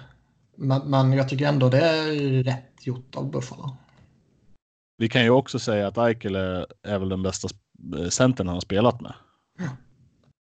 Mm. Ganska tveklöst. Ja. Eh, Så att eh, förhoppningsvis så slår väl det här jättebra ut för dem. Förhoppningsvis. Nej. Ja. Fel podd nu. för, för Buffalos skull. Ja, men det hade ju varit... Eh, alltså så här, eh, Det hade ju varit... Eh, det är klart att det hade varit kul på ett sätt om vi fick liksom... Om Buffalo fick ett uppsving med liksom Skinner, Eichel, Dahlin generationen sådär. Eh, Med tanke på vilken marknad det är så tror jag absolut ligan hoppas det. Mm. Så att du får chansen att åka dit igen Niklas. Är det bästa centern han spelade? Alltså när, han spelade ändå med Stahl när han var Erik Stahl fortfarande. Ja, alltså. Ja, jag, kan, jag kanske skulle varit försiktig med mitt tveklöst. Men jag väljer nog fan ändå att hålla. Alltså när Erik Stahl gjorde 30 poäng mer än någon annan i laget i, i Carolina. Ja, ja, ja, jo, jo. Mm. Eh, och ja, jag, ja, ja, men jag, jag, jag, jag, Jag är nog ändå inne på jag Eichel. backar. Ja, jag backar inte på, på mitt ord. Eh, men kanske tar tillbaka mitt tveklöst bästa center. Det finns väl ett case att göra att Erik Stahl är bättre än Jack Eichel, men, men jag säger att Jack Eichel är den bästa centern han har spelat med. Mm. Eh, Sabres ska ju inte vara klara där enligt vad de själva hoppas och vill. Utan de vill ju gå efter en till topp 6-winger och en andra center antingen via free agency eller trade? Det sägs ju alltid att det är svårt att, att hitta liksom, topp 6-centrar och så vidare. Det är svårt att trada för dem. Men vi ser ju ett gäng som flyttar varje år och så vidare. Men mm. det är fan många lag som vill ha en ny andra center. Eller liksom vill uppgradera där. Och, och jag tror inte att Sabres kommer vara liksom mest desirable location av de som... Nej, då de måste de ju trada med någon som har term. Liksom. Ja. Och hoppas att det inte blir en ny Berglund situation. Eller en ny Kyle liksom. Eller, ja. Ja. Kanske en Wennberg liksom. Eller så blir det Turris. Ja, kan det bli. Mm. För han måste ju skeppas. Framförallt om de ska gå efter Duchene, vilket det ju verkar som att de kommer göra. Oh. Jo, men... Uh... Jag har svårt att se... Vi kanske får ett sving på... Alltså nu... Jag minns ju när helt plötsligt blev Edmonton lockade igen när liksom... Eh, när McDavid kom dit. De hade ju aldrig fått dit Lucic innan. Mm. Eh, helt plötsligt så var Edmonton ett toppalternativ. Och det kanske, kanske kan bli så med nu när Eichel och Dalin generationen liksom ska ta över i, i Buffalo. Men ska komma ihåg att det här blir ju... Alltså Eichel har gjort fyra säsonger i Boston. Och det har liksom inte... Buffalo? Ja. Ja, Buffalo. Jag, jag säger ofta Boston och Buffalo. Alltså, de hört dem. Han vill, det är hans favoritlag. i Boston. Mm. Han vill till det. Det är saker. Det är en Boston-kille ute i fingerspetsarna. Um, det är bara att kolla när han blir UFA så kan man spika in det. Uh, Många år bort. Men det är ju så. Fast man undrar ju lite, alltså det, det kan ju det här med att signa upp Jeff Skinner. Eh, även om det käkar upp 9 miljoner och givetvis eh, begränsar vad man kanske kan göra i, i övrigt på, på free agents och så här med tanke på att det är 9 miljoners utrymme som försvinner inom situationstecken då. Eh, så kan det ändå skicka signaler utåt att okej, okay, nu, nu liksom vi får den här spelaren att stanna kvar här. Det är liksom man vill vara i Buffalo igen och vi kan få bra spelare att stanna här. Vilket ju alltid inte har varit fallet tidigare. Och det kan skicka signaler ut till marknaden att ja, Sabres kanske är på gång. Sen kanske de fortfarande har lite för mycket dödkött kvar. De kanske är ett år bort innan alla de här kontrakten går ut. För de har ju faktiskt ingen term kvar överhuvudtaget utöver Kyle och Poser och Rasmus Ristolainen. Och då de två stora kontrakten med Skinner och Eichel. Så de, de kan ju verkligen börja bygga. Mm. Ja, vi får se. Ja, man får ju se lite vad, vad de här nya kontrakten på, på deras andra spelare ska ha också. Sam Reinhardt ska väl ha en, en duglig ökning. Eh, Montour ska väl också ha någon mille till. Mm. Och sen har, alltså man har väl fortfarande inte riktigt löst sitt målvaktsproblem om vi ska kalla det det. Det, det är Nej, fortfarande en post som, som inte är, är ordnad så att säga. Nej, så är det verkligen. Sen är, man, sen är det också relevant liksom att har de någon som helst rimlig möjlighet att faktiskt bli relevanta under Rasmus Dahlins uh, entry level-kontrakt? Det vill säga när han spelar snorbil. Nej, alltså det... Det känns ju inte så. Två år, alltså du ska ju committa längre än två år på de kontrakten du ska signa då också. Så att, mm. Det... Nej, det känns otroligt. Mm. Eh, när vi ändå är inne på Buffalo så har det kommit något rykte om att Thomas Vanek kanske kan ha gjort sitt i ligan nu. Mm. Tror vi om honom? Uh, ja, 36 poäng på 64 matcher i år. Uh, det är ju inte kattpiss. Nej, jag är lite förvånad om det faktiskt är så att han liksom är bränd i ligan. Ja. ja det är väl hans eget val i så fall va? Ja, det borde ju vara det. Annars tycker jag att Detroit inte borde ha något emot att ha kvar honom på en, i en roll. Nej, det tycker jag många lag som skulle kunna vara intresserade av att plocka in honom för en, för en lite mer begränsad roll nere i djupet. Liksom. Ja, han är ju fortfarande, alltså, han, han är fortfarande bra tycker jag. Ja. Han är ju han har varit bra för de lagen han har tradats till också. Eh, på slutet. Mm. Jag är lite förvånande rapport där. Men är, är han en sån som kommer bo kvar i Nordamerika när han är färdig? Annars det känns väl... absolut så. Han är ju... Alltså han har ju bott där... eh, Det kan ju bero på vad man har. Har man en, eh, en fru från Österrike eller har man en fru från Buffalo liksom?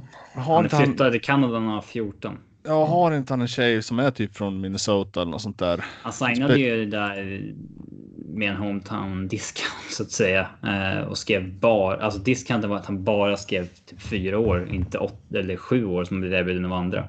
Så det var ändå utköpt efter två år. Ja, det är sant. Eh, Ja, men är det så så känns det ju som att då, då kan absolut vara en som bor kvar där. Och då lär ju inte KHL vara, vara liksom en... Nej. För där, där skulle han ju kunna gå och vara en första linjespelare i KHL och få en jättestor roll och bra betalt. Men här i NHL så skulle han väl snarare få... Det finns ju mer förvånande namn som har gått till KHL om man säger så. Eh, eller Europa liksom avslutat där. Men jag... Alltså han är ju inte österrikare så. Han flyttade ju till Kanada när han var barn liksom. Mm. Var, var, var skulle han spela då? Om, han- om han Detroit. inte... tror jag han blir kvar i så fall. Mm. Där verkar han ju verkligen, verkligen trivas och ville ju tillbaks dit och så där. när Han blev tradad därifrån. Sen vet man inte nu när det är ny, uh, ny GM i hela köret. Han kanske vill göra lite förändringar och då kanske det är bekvämt att skeppa den åldrande, eller skeppa att släppa den åldrande veteranen på utgående kontrakt. Mm. Ja, de har ju några gamla gubbar i laget som de egentligen borde bli av med. Mm. Kanske hellre än Vanek då, men Jo, absolut. Men eh, det är ju enklare att bara släppa han än att absolut. trada iväg Justin Abdelkader eller Frans Nilsson.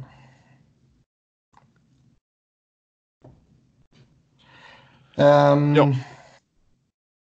På tal om gubbar så har ju eh, när jag skrev upp det här, vilket var för några dagar sedan, Joe Pavelski och San Jose inte haft några stora diskussioner än om en förlängning. Eh, Det snackas om en prislapp på 6 miljoner typ. Men det snackas också om att han kan testa free agency.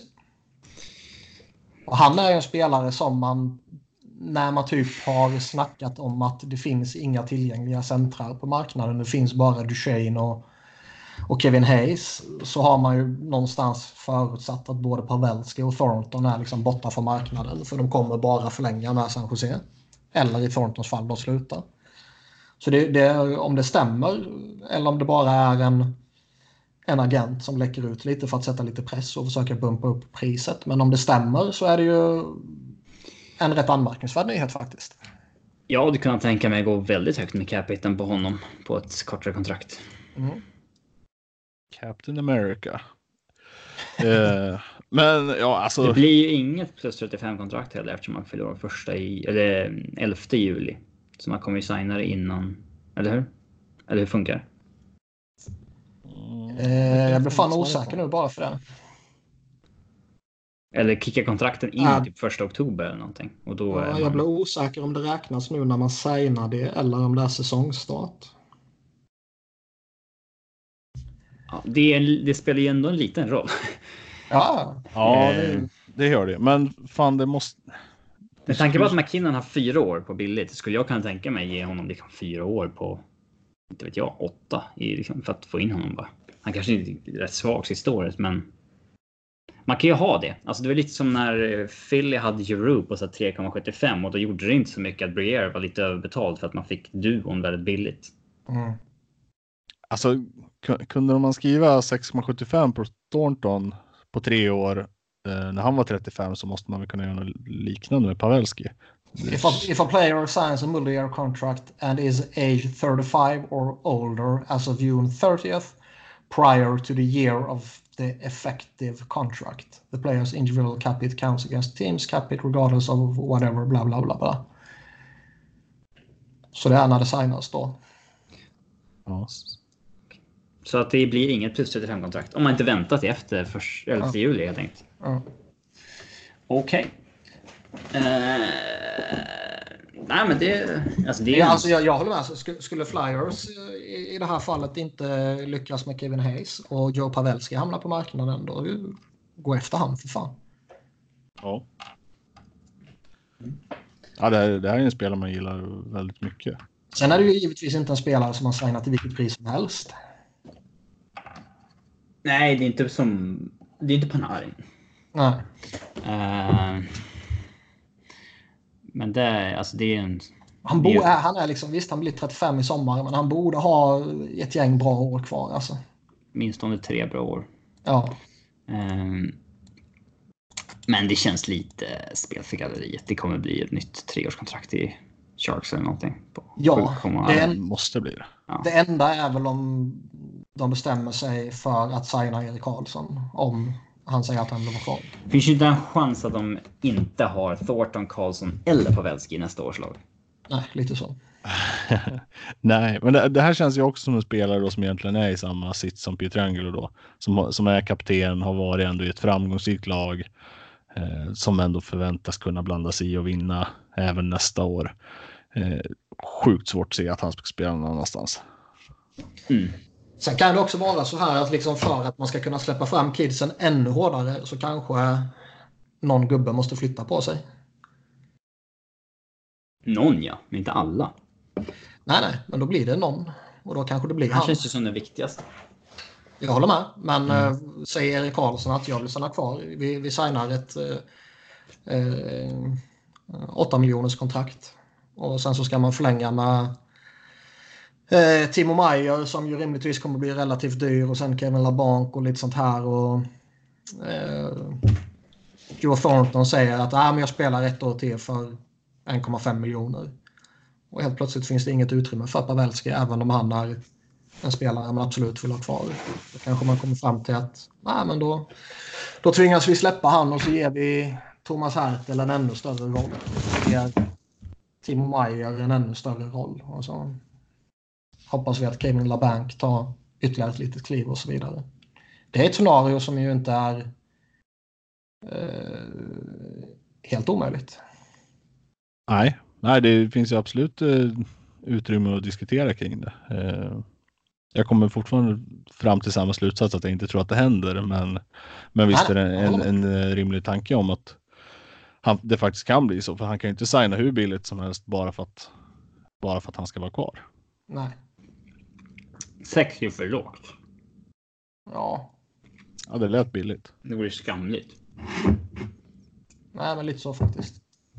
Lite som när Sebbe föreslog att Sedinarna skulle förlänga för 5 miljoner. När deras kontrakt gick ut när de kostade 6,3.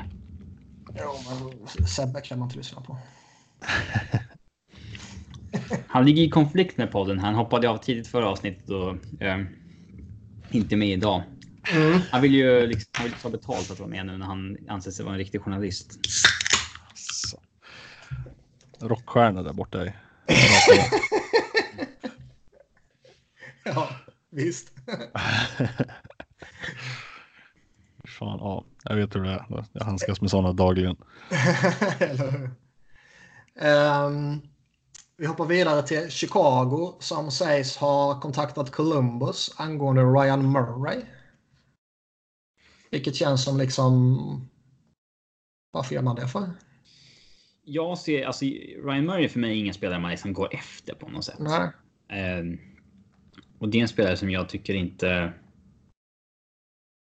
Jag minns att när han skulle draftas. Det var ju snack om han eller Jakobov som typ. Att han... Eh, minns att Craig Button hade honom som typ så här 12 eller någonting på sin lista. Mm. Och hittills så verkar det ha varit ganska rimligt. Ja, men det, alltså. det var ju ett oerhört svagt draftår, ska det sägas. Oerhört svagt. Alltså om vi draftar om där så är det typ Hampus Lindholm som går etta. Men om vi, om vi tänker vad Chicago är för situation är också och vad de kan höra sig för för, för backar. Då är väl Ryan Murray kanske snarare en rimlig back. Ja, Fast det, ja, det, ja absolut. Om man typ har frågat om typ 37 andra backar först. Ja, ja nej, men liksom. Alltså, man har väl kanske 10 och så kollar man priset på allihop och sen överväger man. Ja, ja men det, det finns väl någon sorts untapped potential på honom. Eh, Finns det fortfarande? Jag skulle sagt det för typ två år sedan. Ja, där tycker jag att skeppet har gått. Ja, jag, jag tror fan att det finns en, en, en duglig...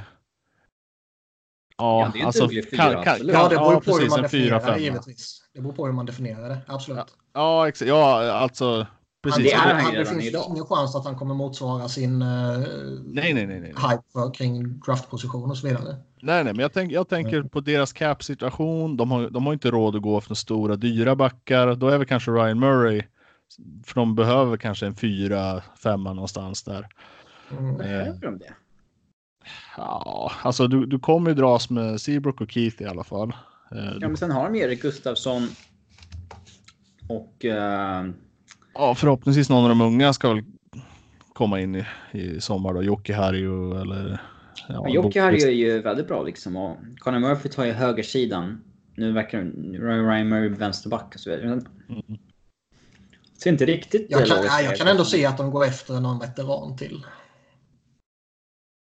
Ja, jag, ja, jag tycker inte att det... Kanske var Thomas Mittells krav när han kom in. Fan, vi ska inte glömma bort att han var sjukt bra PP-back i både Västerås och Örebro där ett tag. Ja, han var bra när Djurgården spelade allsvenskan, kommer jag ihåg. Har vi tagit det? Alltså har vi surrat om det? Ja. Okay. ja, nej men alltså, ja. ja vi, vi kanske gjorde en för, stor, för stor grej av det. Va? Vi pratade nog om honom när du inte var med. Det kan ha varit Max-podden vi gjorde för typ två, tre veckor sedan. När Max var med istället för dig alltså. Då kanske vi pratade om det. Har ni kört utan mig någon gång? Ja, du hade ju någon... Vi sa bara inget. Exakt. fan, nej, men du hade någon, någon gäst eller vad fan det var. Aha. Ja, det kanske var då. Vem är Max? Nashville Max. Ah. ah. Det här betyder alltså att du inte lyssnar på podden när du inte är med.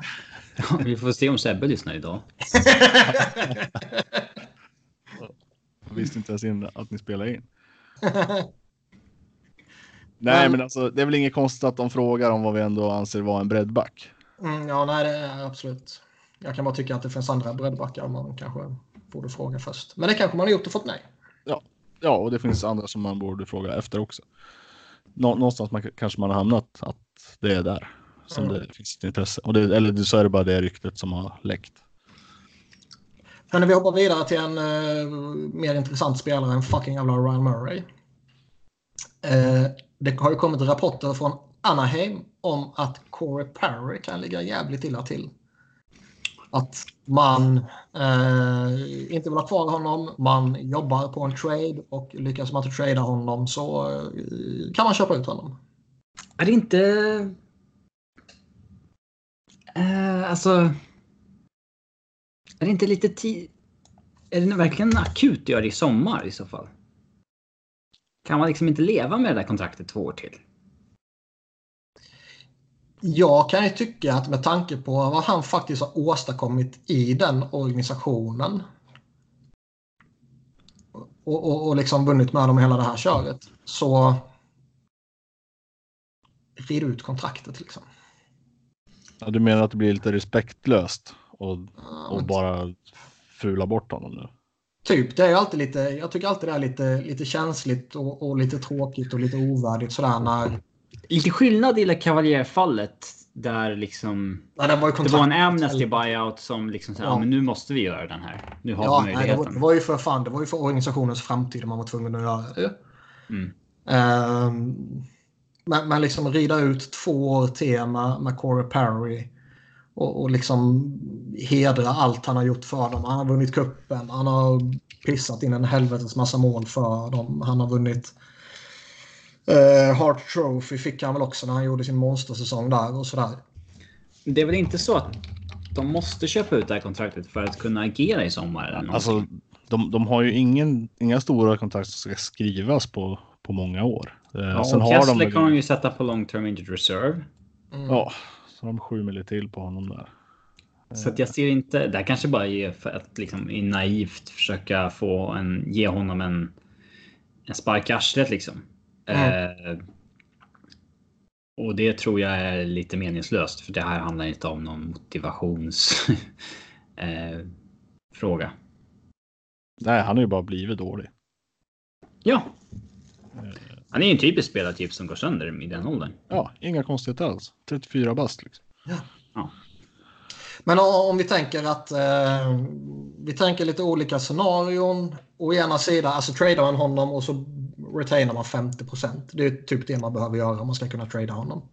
Mm.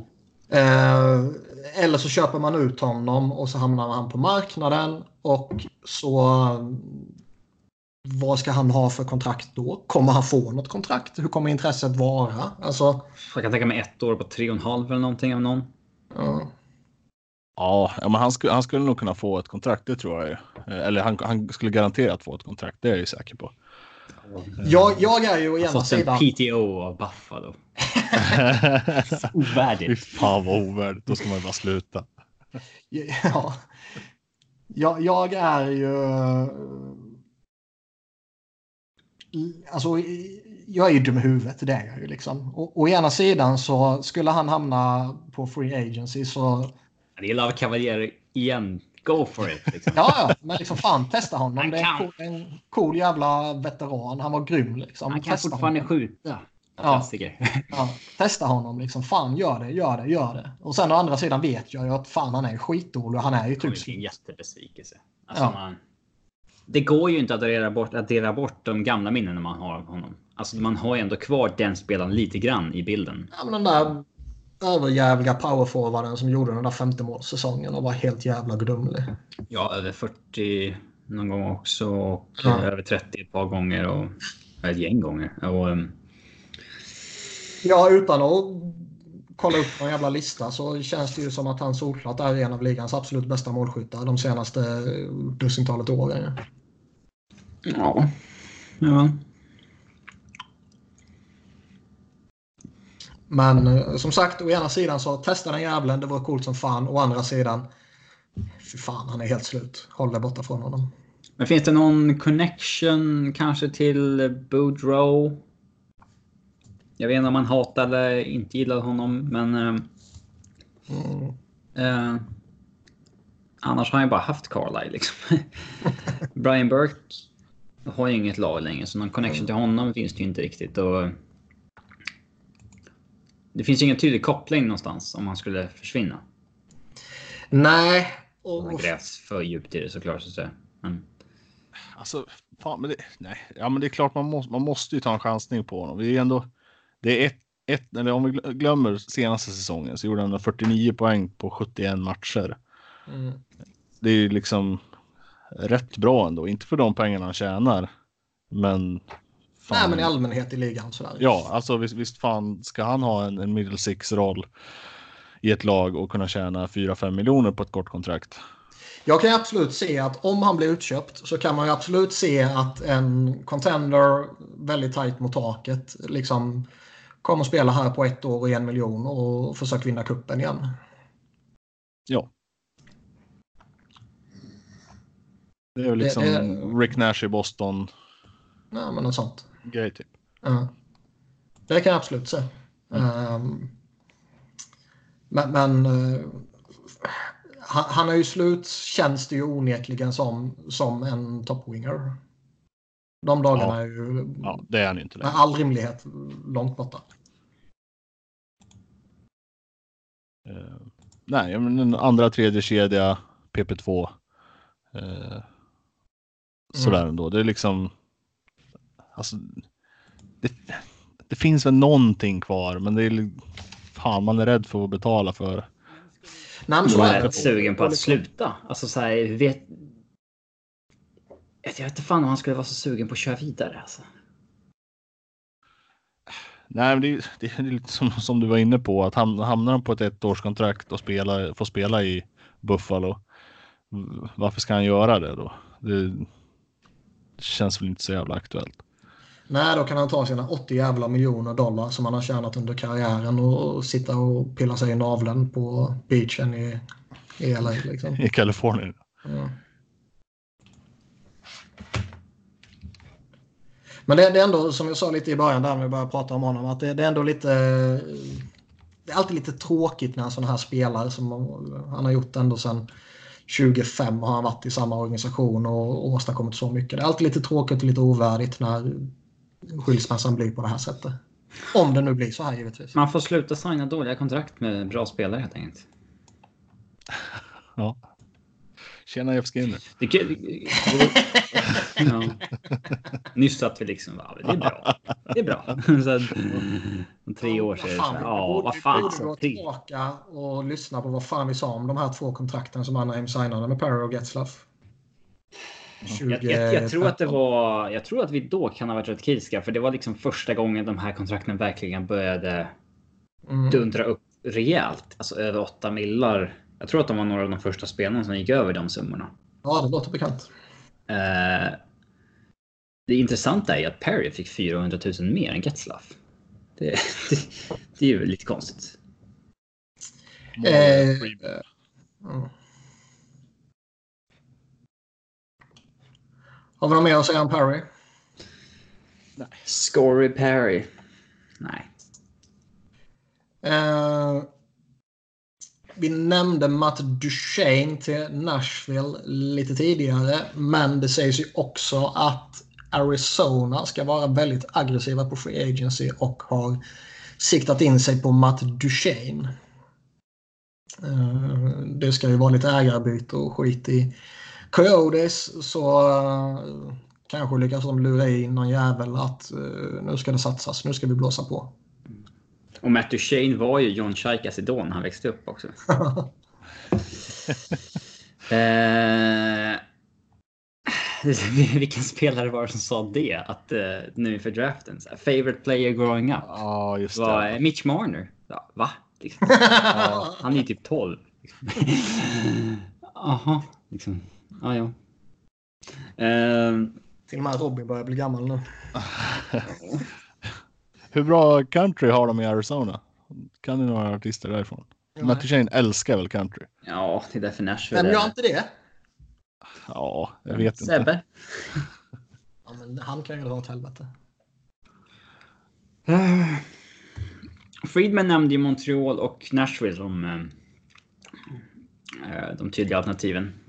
David Poyle har velat ha Duchene i flera vänder. Han var tydligen på just säkert väldigt hårt under året han var aktuell för en trade från Avs. Mm.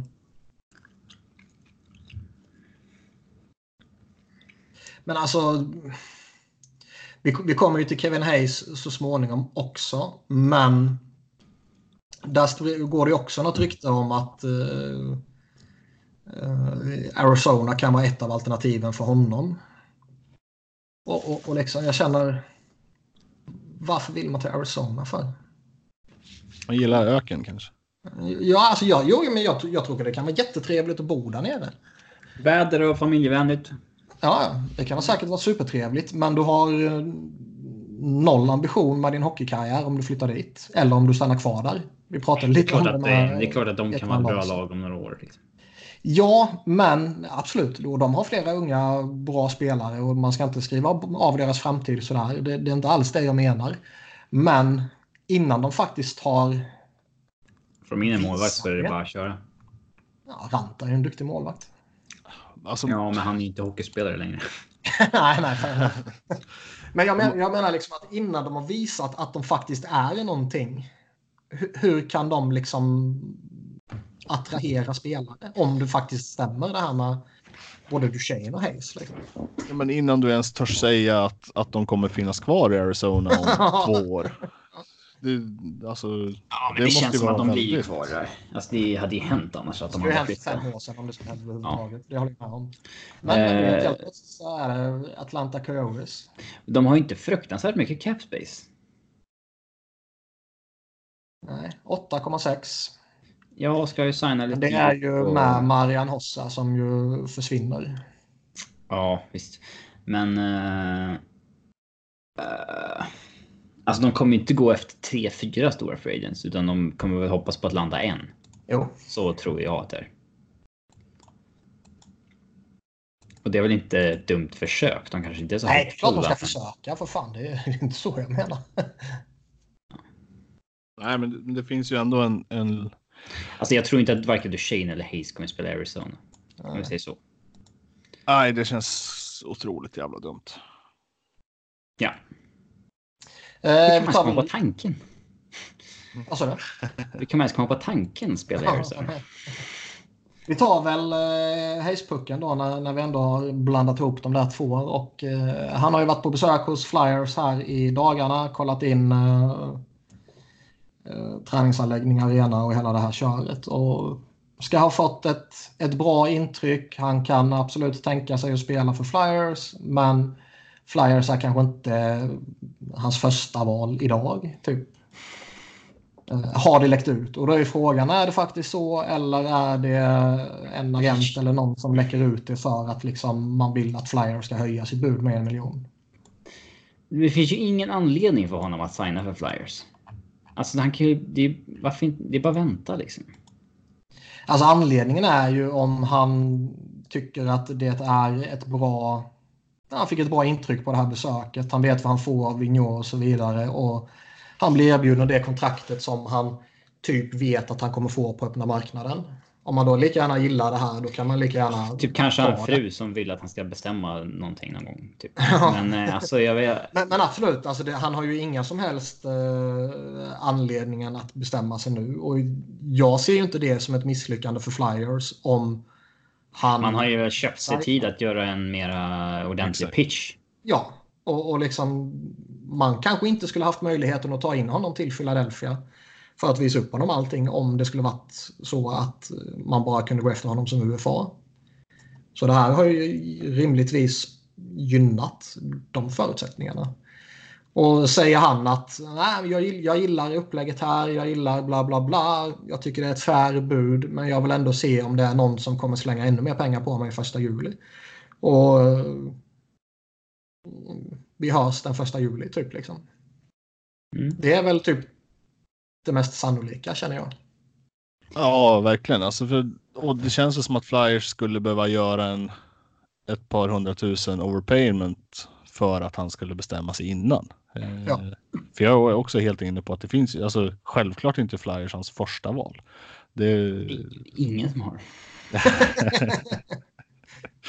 nej, det kan vara mer sant än man vill. Men, men eh, Kanske nej, men Simon det- som har det. Men... Ja, precis. Om, om nu han kan komma tillbaks.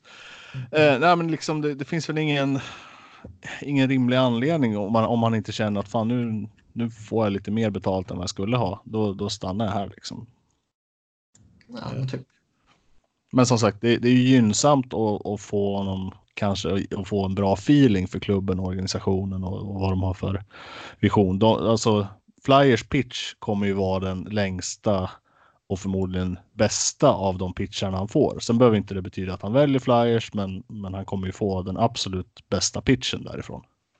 ja, det är väl där eller Rangers. Där han redan kan allting. Och de är Ja, precis. Eh, så, men, men jag tycker liksom, jag, Flyers har ingenting att förlora. De har bara allt att tjäna på att eh, slänga upp ett jävla femteval som ingen bryr sig om ändå. För att få de här veckorna och snacka med honom och visa upp så här. Sen om det visar sig att han inte signar förrän första juli för att han vill känna av marknaden. Ja, fair enough. Mm. Och det är, inte, det, är ju inte, det är en spelare som jag absolut kan tänka mig och, och, och liksom, här har du för argumentationens skull 6 gånger 6 miljoner. Uh, ah, jag vill ha lite mer. Okej, vi går över lite. 6,5 gånger 6 år typ. Uh, alltså bumpa upp lite sådär för att få honom kan vara värt rätt mycket så man slipper trada till sig eh, en annan center och ge upp andra tillgångar. Ja, verkligen. Men det är, Alltså- absolut, det är absolut ingen. Jag tycker han är stabil på alla sätt och vis och jag vill gärna ha honom. Men det är ju ingen som man ska ge en blank check. Liksom. Snackades det inte om att det han ville ha Det han har sökt under säsongen var 5 gånger 5 Ja. Men det känns som att det är ju out. Liksom det är ju out the window. Nej, nej, jag, tror- alltså det Ja. absolut minsta nu är väl 6 gånger 6 Ja.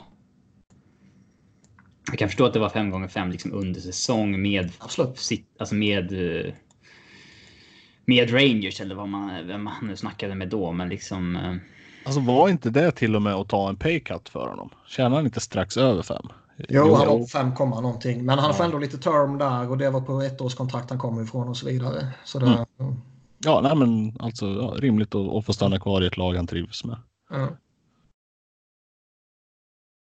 Så vi får se. Fletcher har ju sagt att man, eh, man kommer fortsätta snacka lite mer intensivt nu de kommande dagarna här och får se vad som händer. Typ. Eh, har du något mer du vill säga om Kevin Hayes eh, skogis? Ehm, nej, inte mer tror än att att... han hamnar? Åh, fan vad svårt att säga. Nu, jag, nu vill jag ju bara säga Flyers för att jag tycker att det vore skönt om det blev klart. Och jag, Säga. jag, jag, jag är jävligt såld på att han är så stor som han är. Eh, det, det, det räcker långt för mig. Han är väl ändå 96 det, och det gillar jag. Nej, men jag tror absolut att Flyers eh, kan ligga jättebra till. Men som sagt, jag skulle inte bli det minsta förvånad och jag tycker inte det är det minsta konstigt om han säger att jag vill höra marknaden. Eller i alla fall, jag vill höra vad de andra lagen säger när de får officiellt prata med mig under den här veckan inför Free Agency. Ja, precis. Visst var de andra pratade man om veckan innan. Mm. Ja, Men inte Sen får, prata om sen får man inte komma med några, nej, man får inte komma med några konkreta anbud, men det skiter man i. Det är klart Ja. det. Man får pitcha men inte prata om eh, lönesiffror. Ja. Hej, vi tycker det skulle vara kul om du kommer och spelar hos oss. Eh, För okänd Ungefär om du tjänar lika mycket som den här spelaren men inte mer än den spelaren om du fattar. Ja. Ja, Ja. jävla luddigt. Fast det, alltså, det skedde ju i hemlighet, eller i hemlighet var det ju inte, men det skedde ju utan tillåtelse tidigare. Nu sker det med tillåtelse, så då, det känns ju Ja, lite det var väl så här, det var väl Ölund som signade med Tampa så här fem minuter efter att porten öppnades. Och det var så Ja, jag, tror, jag tror inte ens det var så lång tid. Ja. Ja, men så här, då har du ju förberett Twitter-inlägg och sådär innan. Ja, ja, ja. Ehm, nog om Kevin Hayes. Vi eh, går vidare till Milan Lucic där det snackas om... Eh, det började spekuleras lite för några veckor sedan eh, sen då om att Milan Lucic mot Louis Eriksson kanske var en rimlig trade. Och nu börjar det vara mer än bara spekulationer. Och det var till och med så att Edmonton kanske skulle behöva betala med Jesse Puljojärvi. för att eh, bli av med honom. Ja, det är kul. När man måste betala upp, alltså ge upp sina prospects för att bli av med sina dåliga kontrakt. Då, Mot fucking jävla Louis Eriksson. Mm. ja. Men sk- skulle, skulle ni säga att traden börjar bli värd den om du får Jesse Puljujärvi också? För du får ett år till va, på samma lön med, med Lucic. Alltså, ja, men det, det, det är ju inte aktuellt. Alltså Puljujärvi och Louis mot... Eller Puljujärvi och Lucic mot Louis. Det kan jag inte tänka mig. Alltså, Nej, men då, då, måste det, då måste det ju börja bli värt det, eller hur? ja, då är det väl... Alltså, ja, det, kan, ju- det kan mycket väl vara så att de, de säger att det här är vad vi vill ha och så är det det som ryktet baseras på. det känns som att det kommer bli den här traden, men nästa är mer, är mer eller mindre straight up. Mm. Kanske att man slänger in någon form av middle round pick eller någonting. Ja. eh, Men vem skulle ni helst ha idag? På de kontrakten de sitter på. Louis Eriksson, säger jag. Båda erbjuder ju ändå Ja. någonting. Rakt av. Ja, fast Louis Eriksson kan ju åka skridskor. Jag tror, alltså det, det enda som Milan Lucic erbjuder är ju storlek. Och nog för att eh, Skogis precis har sagt att det betyder allting för honom. så, så, eh, Touché. Så eh, känner jag ju ändå att Louis Eriksson är väl det mest rimliga svaret på den frågan. Jag tycker ändå Känns att det inte som att Lucic, eh, han brinner ändå fortfarande. Det gör inte Louis. Nej, det kan vara en relevant punkt. Absolut. Och skulle Milan Lucic komma till Vancouver så kommer han hem till hemstaden. Vilket Mm. kanske inte heller är helt obetydligt i sammanhanget. Ehm, Jag tror inte att Louis kommer kick av att flytta till iskalla Edmonton. Inte för att det är särskilt varmt i Vancouver, men ändå. Nej, men det beror på att säga att han får tre år jämte Conor McDavid. Ja. Ja, men en ny, alltså, en ny start kan ju ändå göra grejer för. Nu Ja. var han, ju, han var ju, gick ju dessutom ut och var lite kritisk mot Travis Green. Ja, det känns ju som att efter ha hänt en sån sådär, grej, så att- då, då kommer man ju trada honom. Ja, så att han är väl inte helt nöjd med där han spelar och, och då kanske en trade faktiskt skulle, jag, tr- jag tror att det finns mer att hämta i Louis Eriksson än Milan Lucic ändå. Ja, jag håller med. Benning sa ju att han vill att de ska bli bigger, more physical and stronger. Mm. Det, det, det, Det är ju Det klingar ju lite eh, i samklang med den här traden. ja. Eh, och ja. Ja, jag, Ja. jag, alltså jag hoppas vi får se den kan jag säga. Ja, det hoppas jag också. För, för det vore kul. Oh, ja. Det är inte så att något av lagen tar sig ur problemen. Båda sitter kvar på ett dåligt kontrakt, vilket är bra. Men eh, för oss. Eh, men eh, eh, ja, det kan vara intressant att se vad som händer. Hörni, på tal om Vancouver så ska ju de vara ett av lagen och Edmonton ska vara ett annat lag som har hört sig för hos Toronto angående Nikita Zaitsev. Och Ken Holland när han var i Detroit ska ju ha varit ett av, av lagen som uppvaktade Zaitsev hårt när, när han var tillgänglig. Och Dreger säger att Oilers är intresserade också. Ja, det sa jag ju nyss. Nej, du sa att Vancouver var intresserade. Ja, och sen sa jag att Edmonton också. Eller hur Skogis? Ja, han la faktiskt till Edmonton också. Ja, Det gjorde han. det känns ju inte... Det känns ju inte... Sites är inte bra. Och det är två dåligt skötta lag här som går efter honom. Ja, det är Det- ytterligare ett dåligt kontrakt dessutom. För det är, han sitter väl på typ fyra år, va? Eller? Fem va? Eller inte mer. Ja, Han det signade väl är. sju år signade han väl. Och det var för två säsonger sedan tror jag. Ja, det kan säkert stämma. Han, han, Eh, Han har en, två, tre, fyra, fem år kvar ja. På 4,5 ja, det ser vi. Um, ja, nej, men det här känns ju inte så jävla roligt. Men det känns ju då som logiskt i alla fall för Vancouver då om de vill bli större och starkare. Ehm. Jag kan ändå se, alltså fan kontraktet är inte bra. Men och, och, det, och det är ingen bra spelare. Så det, det är liksom en okej spelare. Han kan göra sitt i en lite begränsad roll. Och, och liksom, de behöver fylla på med, med någon back till. I synnerhet om de kanske tappar Alexander Edler och så här. Men... Jag skulle ju aldrig betala för att få in honom. Nej, han skulle ju få det här kontraktet om han var i UFA. Ja. Men att ge upp tillgångar för att... Nej, och sen Men- alltså Toronto kanske inte söker tillgångar heller. De kanske bara vill bli av med honom. Så de kanske Exakt. nöjer sig med att få någon, någon, någon, någon halvdan prospect för att man bara vill byta ett kontrakt mot ett kontrakt så att säga. Ja. Eh, är det inte lite som att det här faktiskt kommer bli typ en, typ av en cap dump? Han, han har ju dessutom begärt en, en ja, han trade. vill ju bort ju.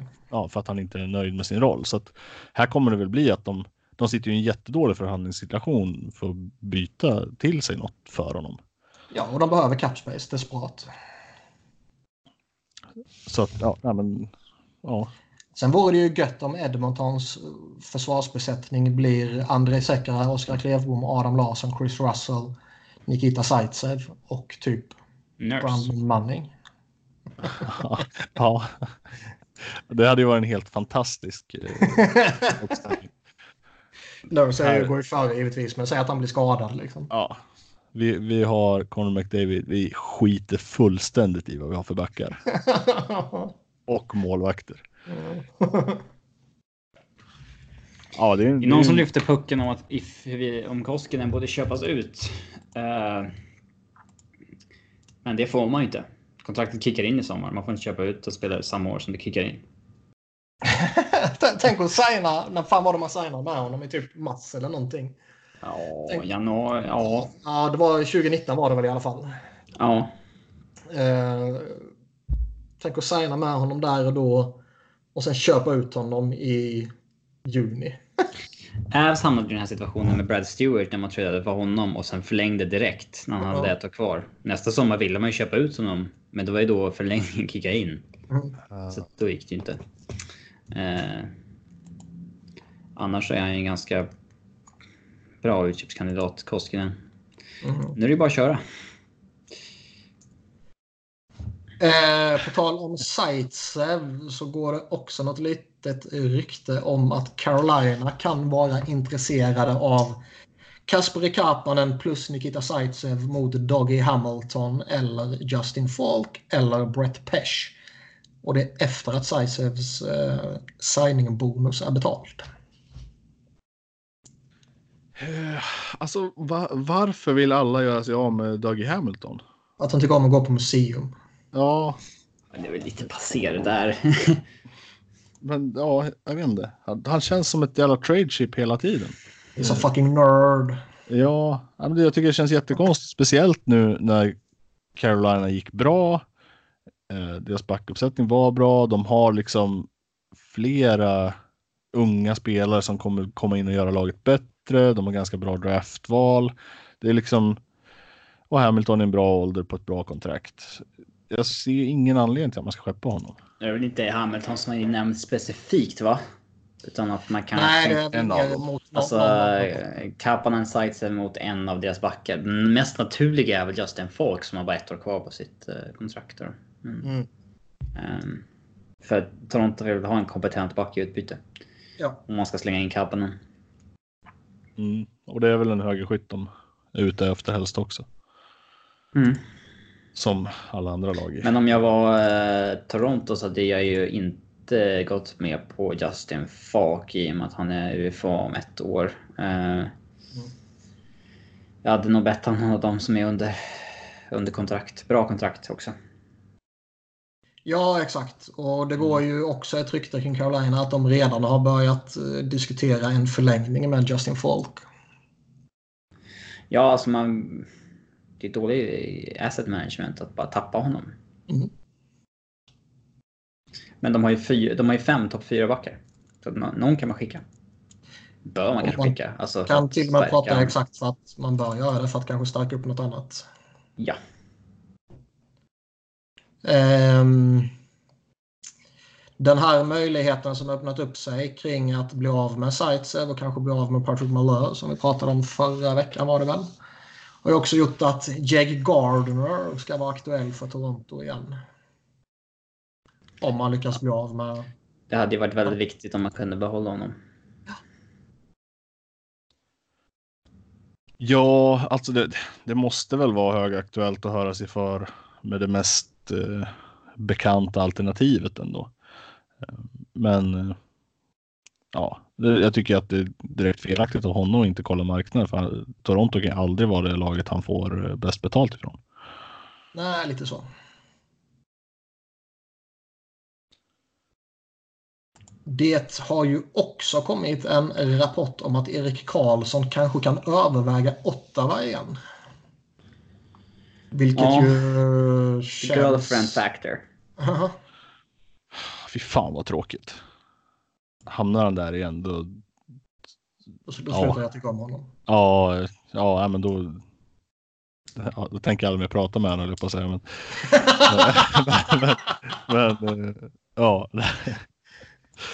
Eh, nej, men nej, jag, jag, jag vet inte. Det känns som ett otroligt tråkigt alternativ. Eh, Frågan är ju om Mölnlycke är villig att göra honom till bäst betald back i laget. Bäst betald nu är det ju Borjovicki på 1,2.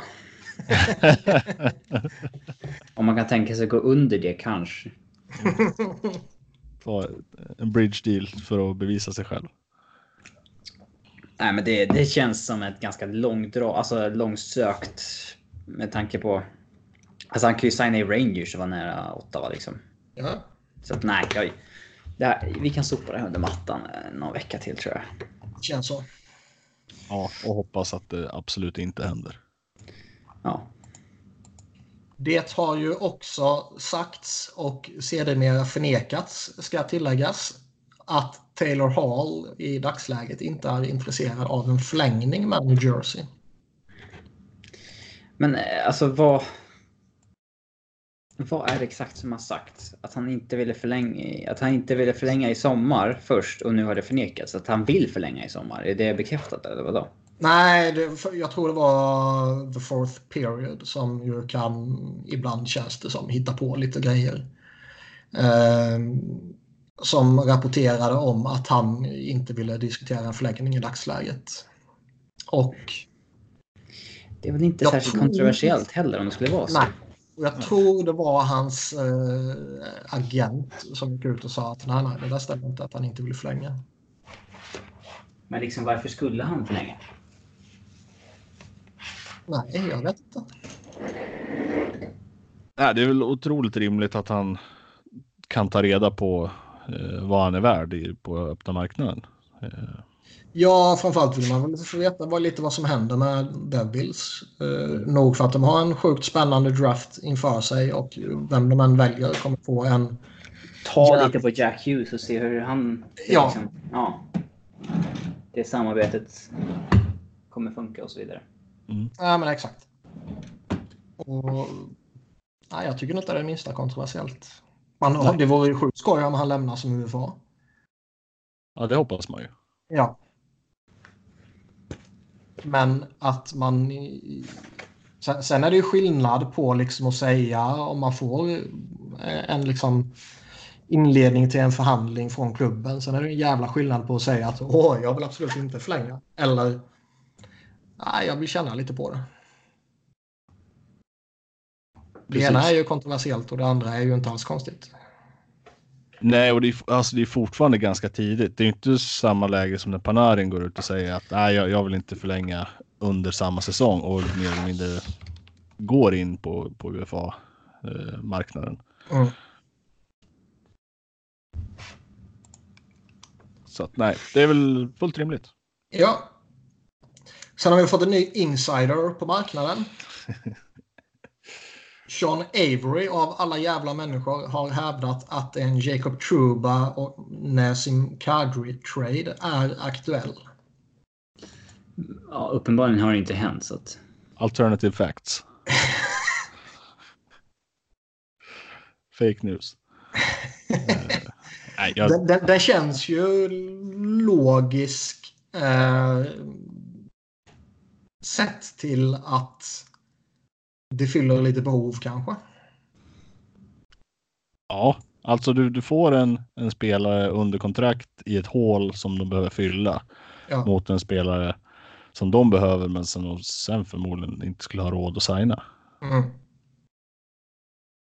Eh, så den är men... logisk man bara tittar på de två lagen, vad som finns och vad som inte finns och vilka två spelare som som diskuteras. Och fan, nu kanske de, den här traden sker imorgon, vem fan vet. Mm. Men eh, jag skulle ju inte sätta Sean Avery på samma nivå som Bob McKenzie. Källan känns ju minst sagt eh, questionable. ja. Eller så är han polare med någon av dem. Ja, ja det vet han andra sidan är, är Sving som går ut och säger det om True, Truba och han har suttit och druckit öl vid en eh, sommarstuga och snackat om att äh, men det här diskuteras. Och sen så börjar han twittra det typ. Mm. Full foliehatt på här. Så, eller, eller så vill de att det ska börja diskuteras. Eh, när vi ändå är inne på Winnipeg så har det ju påbörjats diskussioner med Tyler Myers och där ska även Vancouver, Colorado och Dallas vara intresserade. Vill du ha honom i Avs, Robin? Jag har inte sett en enda Avs-supporter twittra eller prata om det, så jag misstänker att din källa här är lite bristfällig. Är det Sean Avery? jag, är, det, är det hans Twitter du har börjat hänga lite för mycket på? Ja, men jag har avföljt alla andra. Det bara han jag följer. Uh, jag vet för fan, det, jag säger det varje, varje jävla podcast. Jag borde börja skriva upp vem fan det är som säger de här sakerna. Men det är ju någon... Uh, någon liksom mer eller mindre etablerad eh, journalist eller sajt? Jag hittar ingenting om det på Twitter så jag tvivlar. Ja, jag har inte bara somnat och drömt ihop det. Nej, men det kanske stod Cal eller någonting istället för Koll. Ja. Ja. Det skulle ändå vara lite roligt om man bara satt och hittade på massa saker.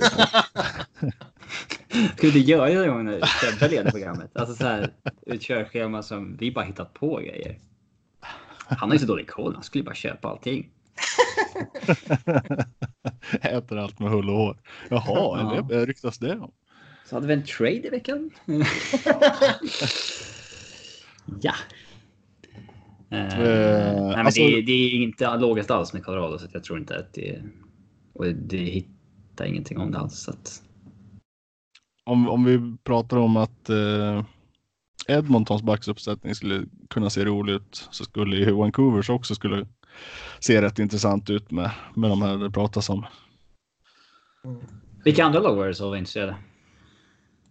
Vancouver och Dallas. Ja. Ja, det är väl mer logiskt. Så. Bo- Borde jag eh, säga att jag skulle älska att ha honom i mitt lag bara baserat då på att han är stor igen då? E- e- Enligt mina kriterier så fyller han ju dem eftersom det är e- egentligen det som spelar roll. Exakt. Eh, Jag, jag säger så här om honom. Jag skulle inte ha något emot Tyler Myers på, i en mindre roll. Alltså typ i ett tredje par. Liksom, på, på ett billigt kontrakt. Men jag är ju 100% övertygad om att han absolut inte kommer få ett sånt kontrakt och att han inte kommer få en sån roll. Det kommer kosta mer än det smakar. Ja. Eh, Och det är han inte värd. Han kommer få ett stort kontrakt men då bör man också ha rollen till honom. Mm. Jag tycker inte att han är dålig alltså. Jag... Nej, men han är inte bra heller. Men han är 203. Han tillhör ju inte den där upper tieren liksom. Nej.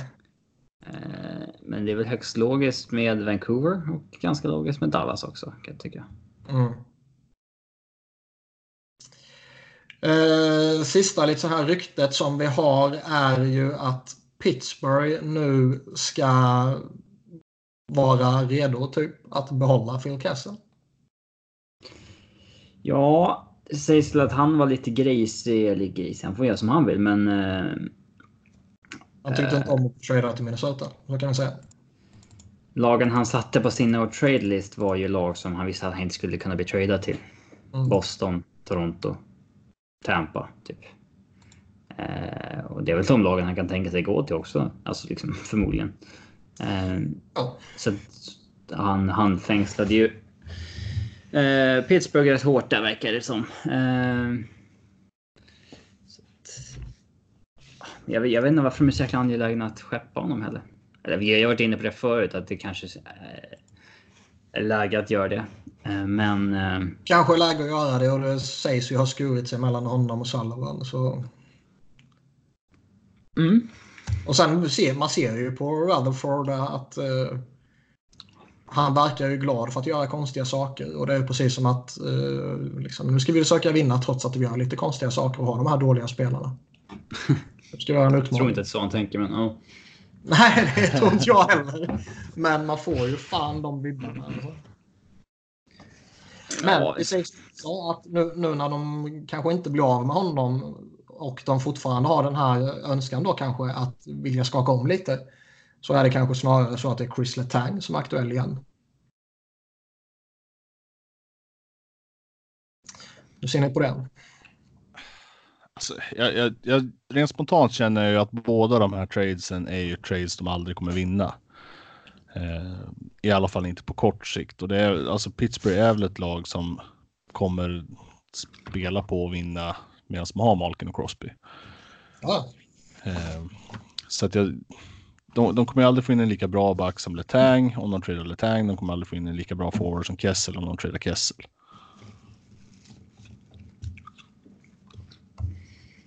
mm.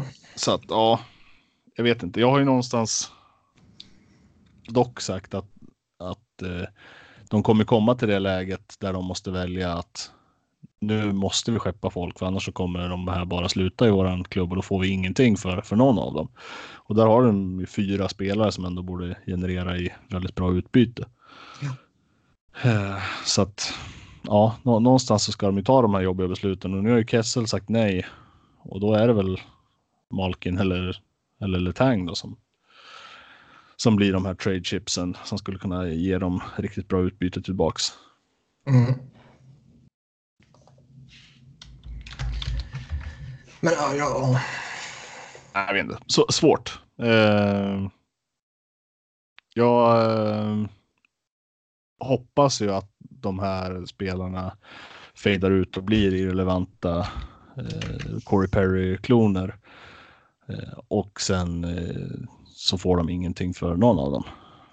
och får snarare betala för att bli av med deras kontrakt. Mm. Så, att, så att de blir sämre och får ge upp assets för att bli ha bättre kapacitation. Eh, och sen att de flyttar klubben till Quebec. men, men det känns ju lite som att eh, sista ordet angående Phil Kessel har ju inte sagts den här sommaren. Nej, absolut inte. Det kommer ju spekuleras i och ja, det, det lät väl snarare på Rutherford som att det, det var att nej, det ser inte ut som att vi kommer lyckas trade honom för att ja. han inte har något hett. Sen kanske han får ett, ett bud som han tycker är tillräckligt bra från en klubb eh, dit Kessel kan tänka sig att gå. Mm.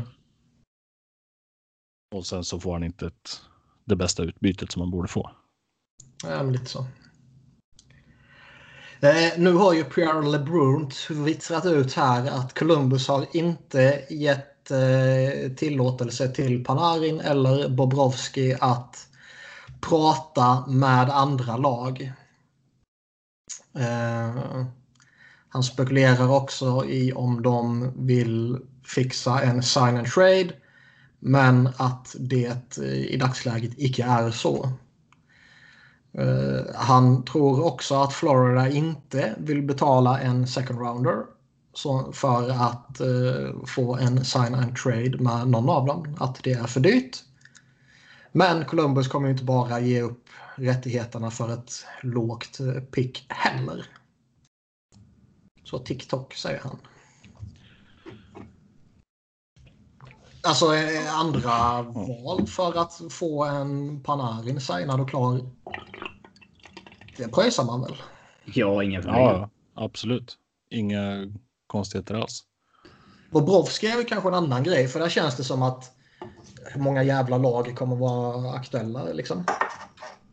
Två eller tre kanske, då kan man lika gärna vänta. uh, men Panarin, jag skulle inte tveka en sekund.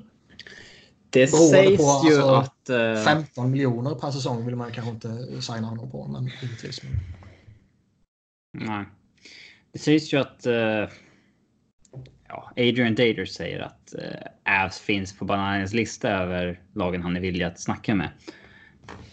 Skulle Avs betala pick nummer 47 som han har för att få rättigheterna nu och få honom signad så är det väl, väl värt det. Oh ja. det är inget mm. snack. Nej, för helvete. det känns lite udda. Är Florida så säkra på att signa dem att de inte liksom vill dega upp? Alltså är det så att de här går till Florida liksom, en timme efter att portarna öppnats, då känns det som att det är något, det är något lurt här i och med att det snackas om Florida och de klarar sedan liksom januari. Oh ja. Fast det är klart det är det. Det vet vi redan att det är något lurt ju. Ja. Sen är väl det där en definitionsfråga också. Uh, de kan ju ha skickat Dadonov till att föra alla diskussioner med Panarin. Och är det då en... Uh, är det tampering liksom om en spelare gör det? Jag vet inte. Eller är det bara om klubben officiellt gör det? Uh, Alltså, det, det, måste ju, alltså sådana grejer måste ju absolut föregå. Om, de, om du känner någon så måste ju, alltså. Ja, ja, ja det försiggår oavsett om du spelar i NHL eller om du spelar i liksom, division 6 i fotboll ja. i Sverige. Precis, alltså de grejerna. Det, det, kan ju inte gå att kontrollera eller alltså det går inte ens att bestraffa om de skulle få reda på det. Eh, för det måste ju vara en supernaturlig del. Men det är väl kanske just det här agentklubb som du inte får officiellt prata om. Mm. Men eh, ja, jag, jag, jag, vet inte. Och jag tycker inte att det är något konstigt att Columbus inte ger dem tillåtelse att prata med dem. Heller Nej. egentligen. Det, är, det ska de ju få något för. Ja, exakt. Det, är, ja. ja det, det, var väl därför Flyers betalade femte val för Hayes. Tänkte ja. Och då får du betala någonting. Exakt. Ja. Eh, och Columbus då som inte har några draftval kanske snarare borde köpa idén om att ah, ja, det är bättre att vi får ett lågt draftval än inget alls. Men, men ja. Men det är väl lite chicken race där också. Ja, det är väl så. De vill, de vill ha ett värt draftval för de sitter verkligen i skiten nu. Ja. Och på tal om sitta i skit så Paul Fenton har ju hyllat och befordrat sin son. Eh, nu minns jag inte exakt vilken jävla titel eller vad han fick. Det borde jag kunna gå in och titta här lite fort. Eh, tror det var alltså, co-director of amateur scouting. Mm. Alltså ihop med en annan. Han har tre års erfarenhet och eh, Fenton nämner att Peter Chiarelli tyckte att hans grabb gjorde ett sånt fantastiskt jobb. He just has a feel for players, hade Chiarelli sagt. Uh -huh. Det hoppas man att alla scouter har. har han varit med i någon stab och, och, och draftat för Edmonton då? Jag vet inte. Jag vet inte hur involverad han var, men han scoutat fin... Ja.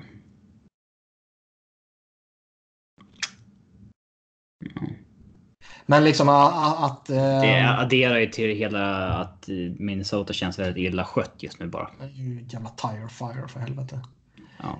Men, men äh, att det fungerar så i ligan att det är äh, kontraktnätverk och relationer betyder allt. Det, det, det vet det... vi redan. Liksom. Det, det är inget nytt direkt. Men det blir ju alltid lite anmärkningsvärt när någon inom organisationens son draftas eller signas eller får en roll i, i, liksom på, på kontoret eller som scout eller någonting när man egentligen inte har gjort någonting för att förtjäna det.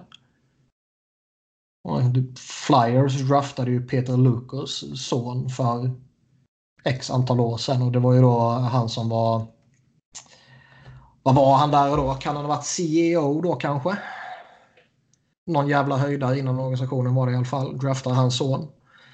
Uh, vad hade vi mer? Vi har ju Caps som draftade Bengt-Åke Gustafssons pojk i första rundan. fan hette han? Anton hette han va? Ja. Som sen spelade för Båg i Schweiz. ja. um, så det sker ju lite sådana konstiga grejer titt som tätt. Och det är ju alltid anmärkningsvärt och det blir ju ännu mer anmärkningsvärt när en, en sån här jävla galning som Fenton gör grejer.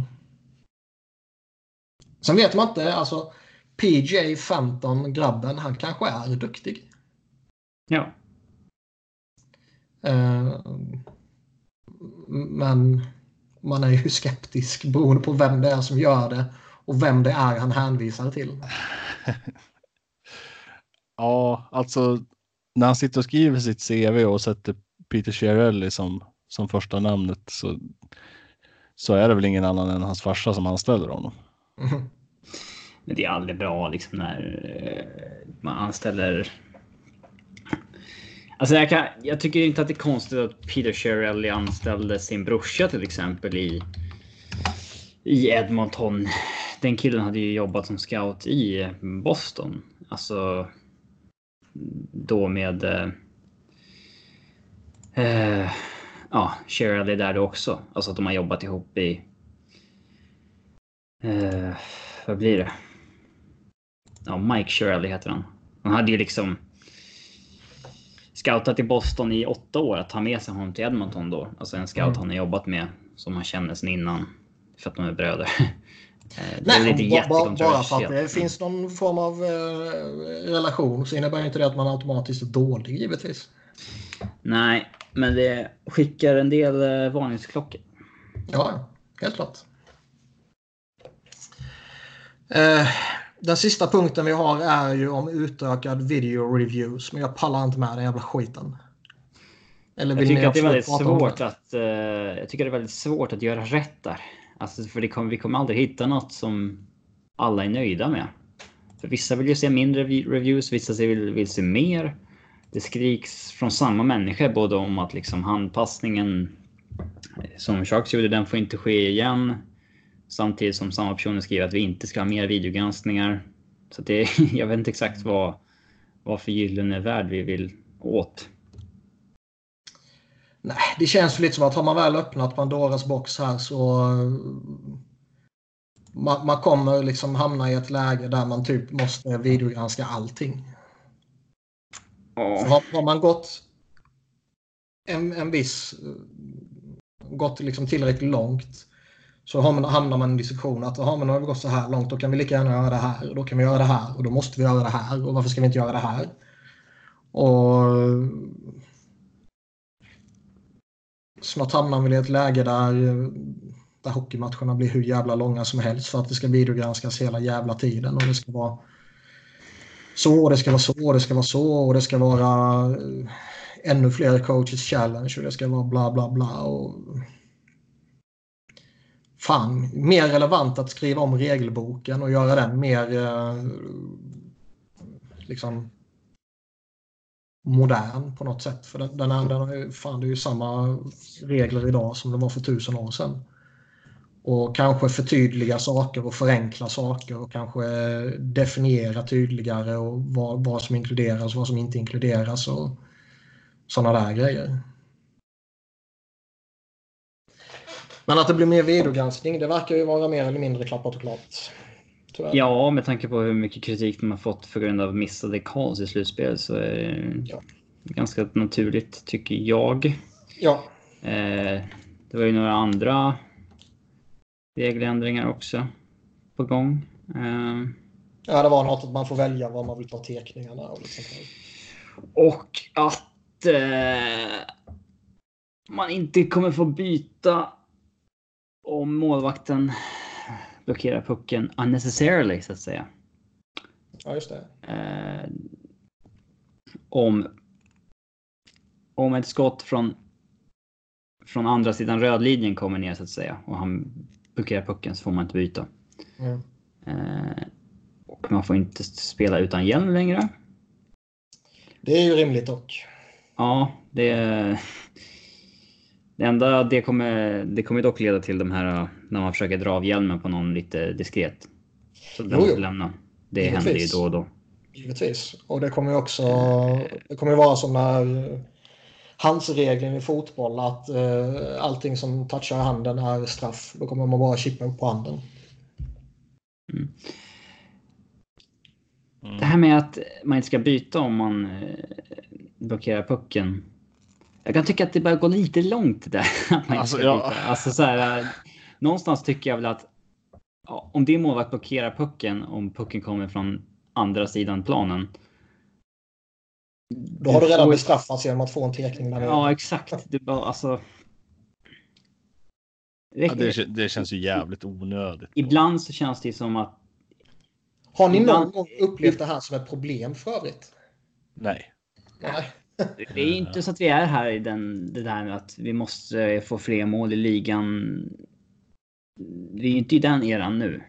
Nu har vi ju ganska mycket mål i ligan. Eh, Att det här med att försöka göra allting för att det ska bli mer mål, eh, det, det känns ju som lite passé det. Men, och, ska det bli då en bedömningsgrej också? Nej, om den är från andra sidan rödlinjen och skickar ner den på mål. Om han blockerar den då så får du inte byta. Men Om du får en studspuck som du inte riktigt har kontroll på det. Nej, men om den kommer från andra sidan rödlinjen så får du inte blockera. Då får du inte blockera oavsett om, den är, om det kanske är en svår. Du, du, du har sett att Radko Gudas kan göra mål från, från röd linje va? The committee recommends that the defensive team not permitted a line change when a goalie freezes the puck on any shot from outside the center of the red line. Ja, då är det ju ingen bedömningsfråga. Då är det ju alla.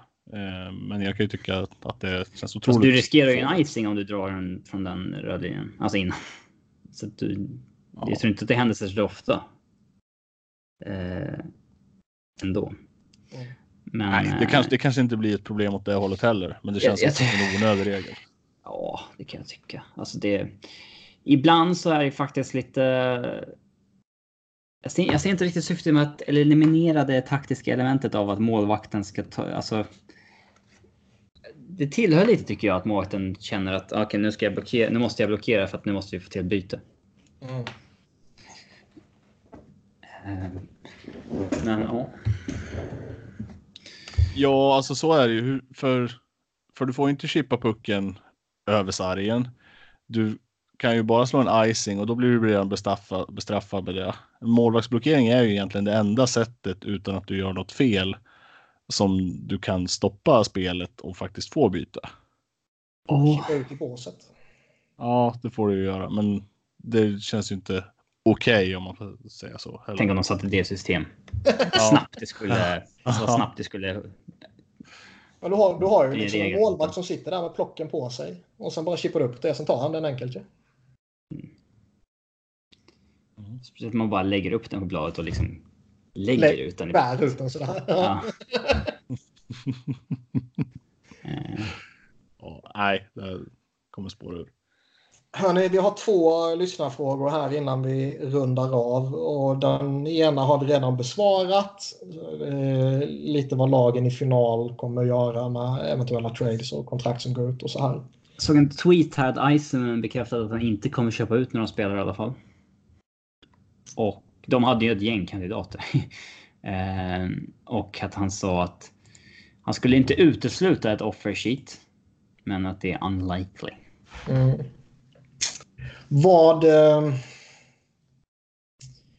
fanns det så värst många riktiga kandidater ändå? I Wings. Ja. Alltså de, de köper ju inte ut eh, Abdelkader eller Frans Nielsen. Det kan jag inte tänka mig. Det är väl absolut kandidater, men... Alltså, Jo, jo, men jag menar liksom hur, hur, eh, hur sannolikt. alltså... Nej, jag vet inte. Men de har ju ett gäng dåliga kontrakt, så absolut Ja, ja. fanns det ju Givetvis. kandidater.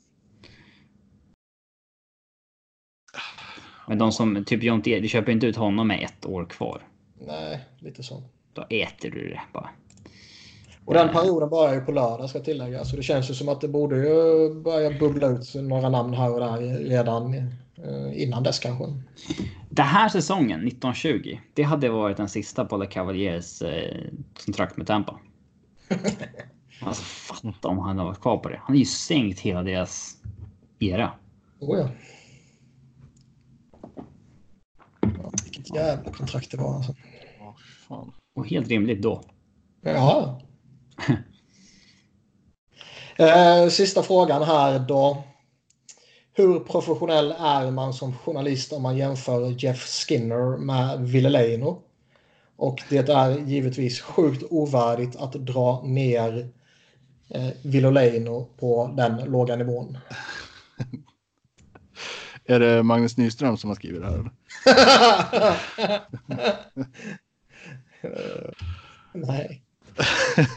Jag tror inte han lyssnar på oss. Nej. Nej, jag är inte frågan utan jag, jag, jag, menade journalisten som har gjort den här jämförelsen. Nej, det var ju John Shannon Okej. som satt och eh, i, i någon sändning och kommenterade Skinner-kontraktet och gjorde den enligt mitt tycke mindre relevanta jämförelsen mot Christian Ehrhoff och eh, Ville Leino. Den är ju superrelevant för det innebär ju att du kommer se Jeff Skinner i Växjö snart. ja, det vore coolt i och för sig. Men där han, eh, där han tycker då att de har gjort de här dåliga kontrakten och de lärde sig inte ett skit av det. Det här var inte bra, typ. Mm. Och eh, jag, jag tycker, som jag sa, jag tycker ju inte det är minsta relevant överhuvudtaget. Nog för att man kan vara skeptisk till att signa upp Skinner på det här kontraktet som vi var inne på tidigare. Men han är ju inte alls på den nivån som någon av de två var. Nej, alltså han har ju bevisat sig mycket mer eh, än, vad, än vad de har någonsin var. Mm.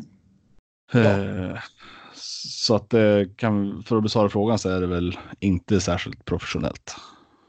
Typ. eh, har ni något mer innan vi stänger ner för idag? Ja. Nej, jag borde, jag borde haft med mig någonting eh, ro, roligt att komma med kan jag tycka. Men eh, det blev ju lite sent påkommet här. Ja. Eh, plus att vi hade spelat in ett avsnitt i, i morse också. Du Så. gav upp din tv-spelskväll för att vara med här. Det är ändå stort. ja, jag gjorde det. det, det. De som vet hur mycket jag gillar tv-spel borde förstå att det här är något, Ja, vilka sjuka uppoffringar du gör bara för mig. Alltså, det är. Alltid Niklas. Ja. Eh, men jag, om, om jag får tillåt så, så slår jag ett snabbt slag för att ni kan gå in och lyssna på NHL Tugg om ni vill höra mig prata om mer hockey. Ja, det här klipper vi bort. Ja, jag var helt säker på att det var det du skulle säga. Nej då, gör det. Så länge ni inte slutar lyssna på oss också. Nej, för fan. Det, går- det går att lyssna på båda. Vi, vi har eh, helt efterblivna åsikter båda två. ja. Ehm, men tack som fan för att du ställde upp med lite kort varsel här. Alltid Ja, men tack för att jag fick frågan. Det var ju sjukt roligt att, att få vara med här en gång Mm. som long time listening listener ändå. Ja, ja, men ändå. Otroligt liksom eh, pissigt avsked av Sebbe. Han skickade bara ett meddelande när han skrev började må råtta här så räkna inte med mig. Så han har inte skrivit något mer. Inget alls. Och för, förra veckan tog han fel på tiden med en timme och, och skrev typ innan avsnittet att uh, jag kan bara en halvtimme typ. Ja, Så hoppade han av efter en kvart. okej. Och sen hoppade han av efter en kvart. Ja. Men var är han eh, nu någonstans? I vilken del av landet? Nu är han väl hemma tror jag. Ja, okej. Han, han har ju flämt runt på finalen. Han var Ja. ju i förra veckan när vi spelade in så var han ju i, vad fan var det då? I St. Louis var det va? Mm. Så det var lite skådligt i bakgrunden och allt sånt där. Han, eh, ja, han försökte skjuta in att "Ah, nu ser jag Pierre LeBrun och så vidare. Eh, Ja. Ja. ja. Det var ju inte... Det, han, det var ju inte Stanley Cup-bucklan han hade vält. Det var ju en, en, eh, en kastrull på någon lunchbuffé eller någonting för, eh, för eh, journalisterna där. Det här blev ju ändå lite av en snackis. Jag vet att det här diskuterades i vår hockeygrupp också. Bara, har Se- Sebastian Norén eh, förstört Stanley Cup-bucklan? ja. Vi fick en lyssnarfråga om det också som jag i och för sig sållade bort. men, men där det stod liksom fan ni måste utveckla vad Sebbe, varför välte han bucklan för? Vad hände? Ja. Ja, vi får väl dra den riktiga storyn om kastrullen. Eller någonting i. Fast är det inte roligare om, om det bara är en skrö, blir en skröna? Att han jo, inte får jo, det försvara det sig? ska ju växa till någonting nu. Vi ska ta upp det här i våran podd också. Om hur den svenska journalisten det. förstörde Stanley Cup-bucklan. Ja, om ni tittar riktigt noga på tv-bilderna när Peter Landry lyfter den där så ser ni den lilla bucklan nedre, eh, vid, vid liksom nedre skarven där. Ja. Guldlaget från 78 är liksom intryckt. Konspirationsteorierna är fullständiga. Fantastiskt. Hur bra som helst. Ehm, ja, nej, vi har inte så mycket mer att tillägga. Ehm, vi återkommer väl nästa vecka, hoppas jag. Och eh, får väl förhoppningsvis in ett avsnitt innan draften kanske, Robin? Ja, det vore väl kul. Uh, att göra någon, någon draftpodd. Ja. Har vi någon prospectsnörd vi kan ta med? Det var i det avsnittet jag skulle ha varit med i. Nej. Nej, men vi, eh, vi hörs när vi hörs. Och eh, Skåris, stort tack. Ja, nej, men tack ska ni ha också. Supertrevligt. Ja. Hej.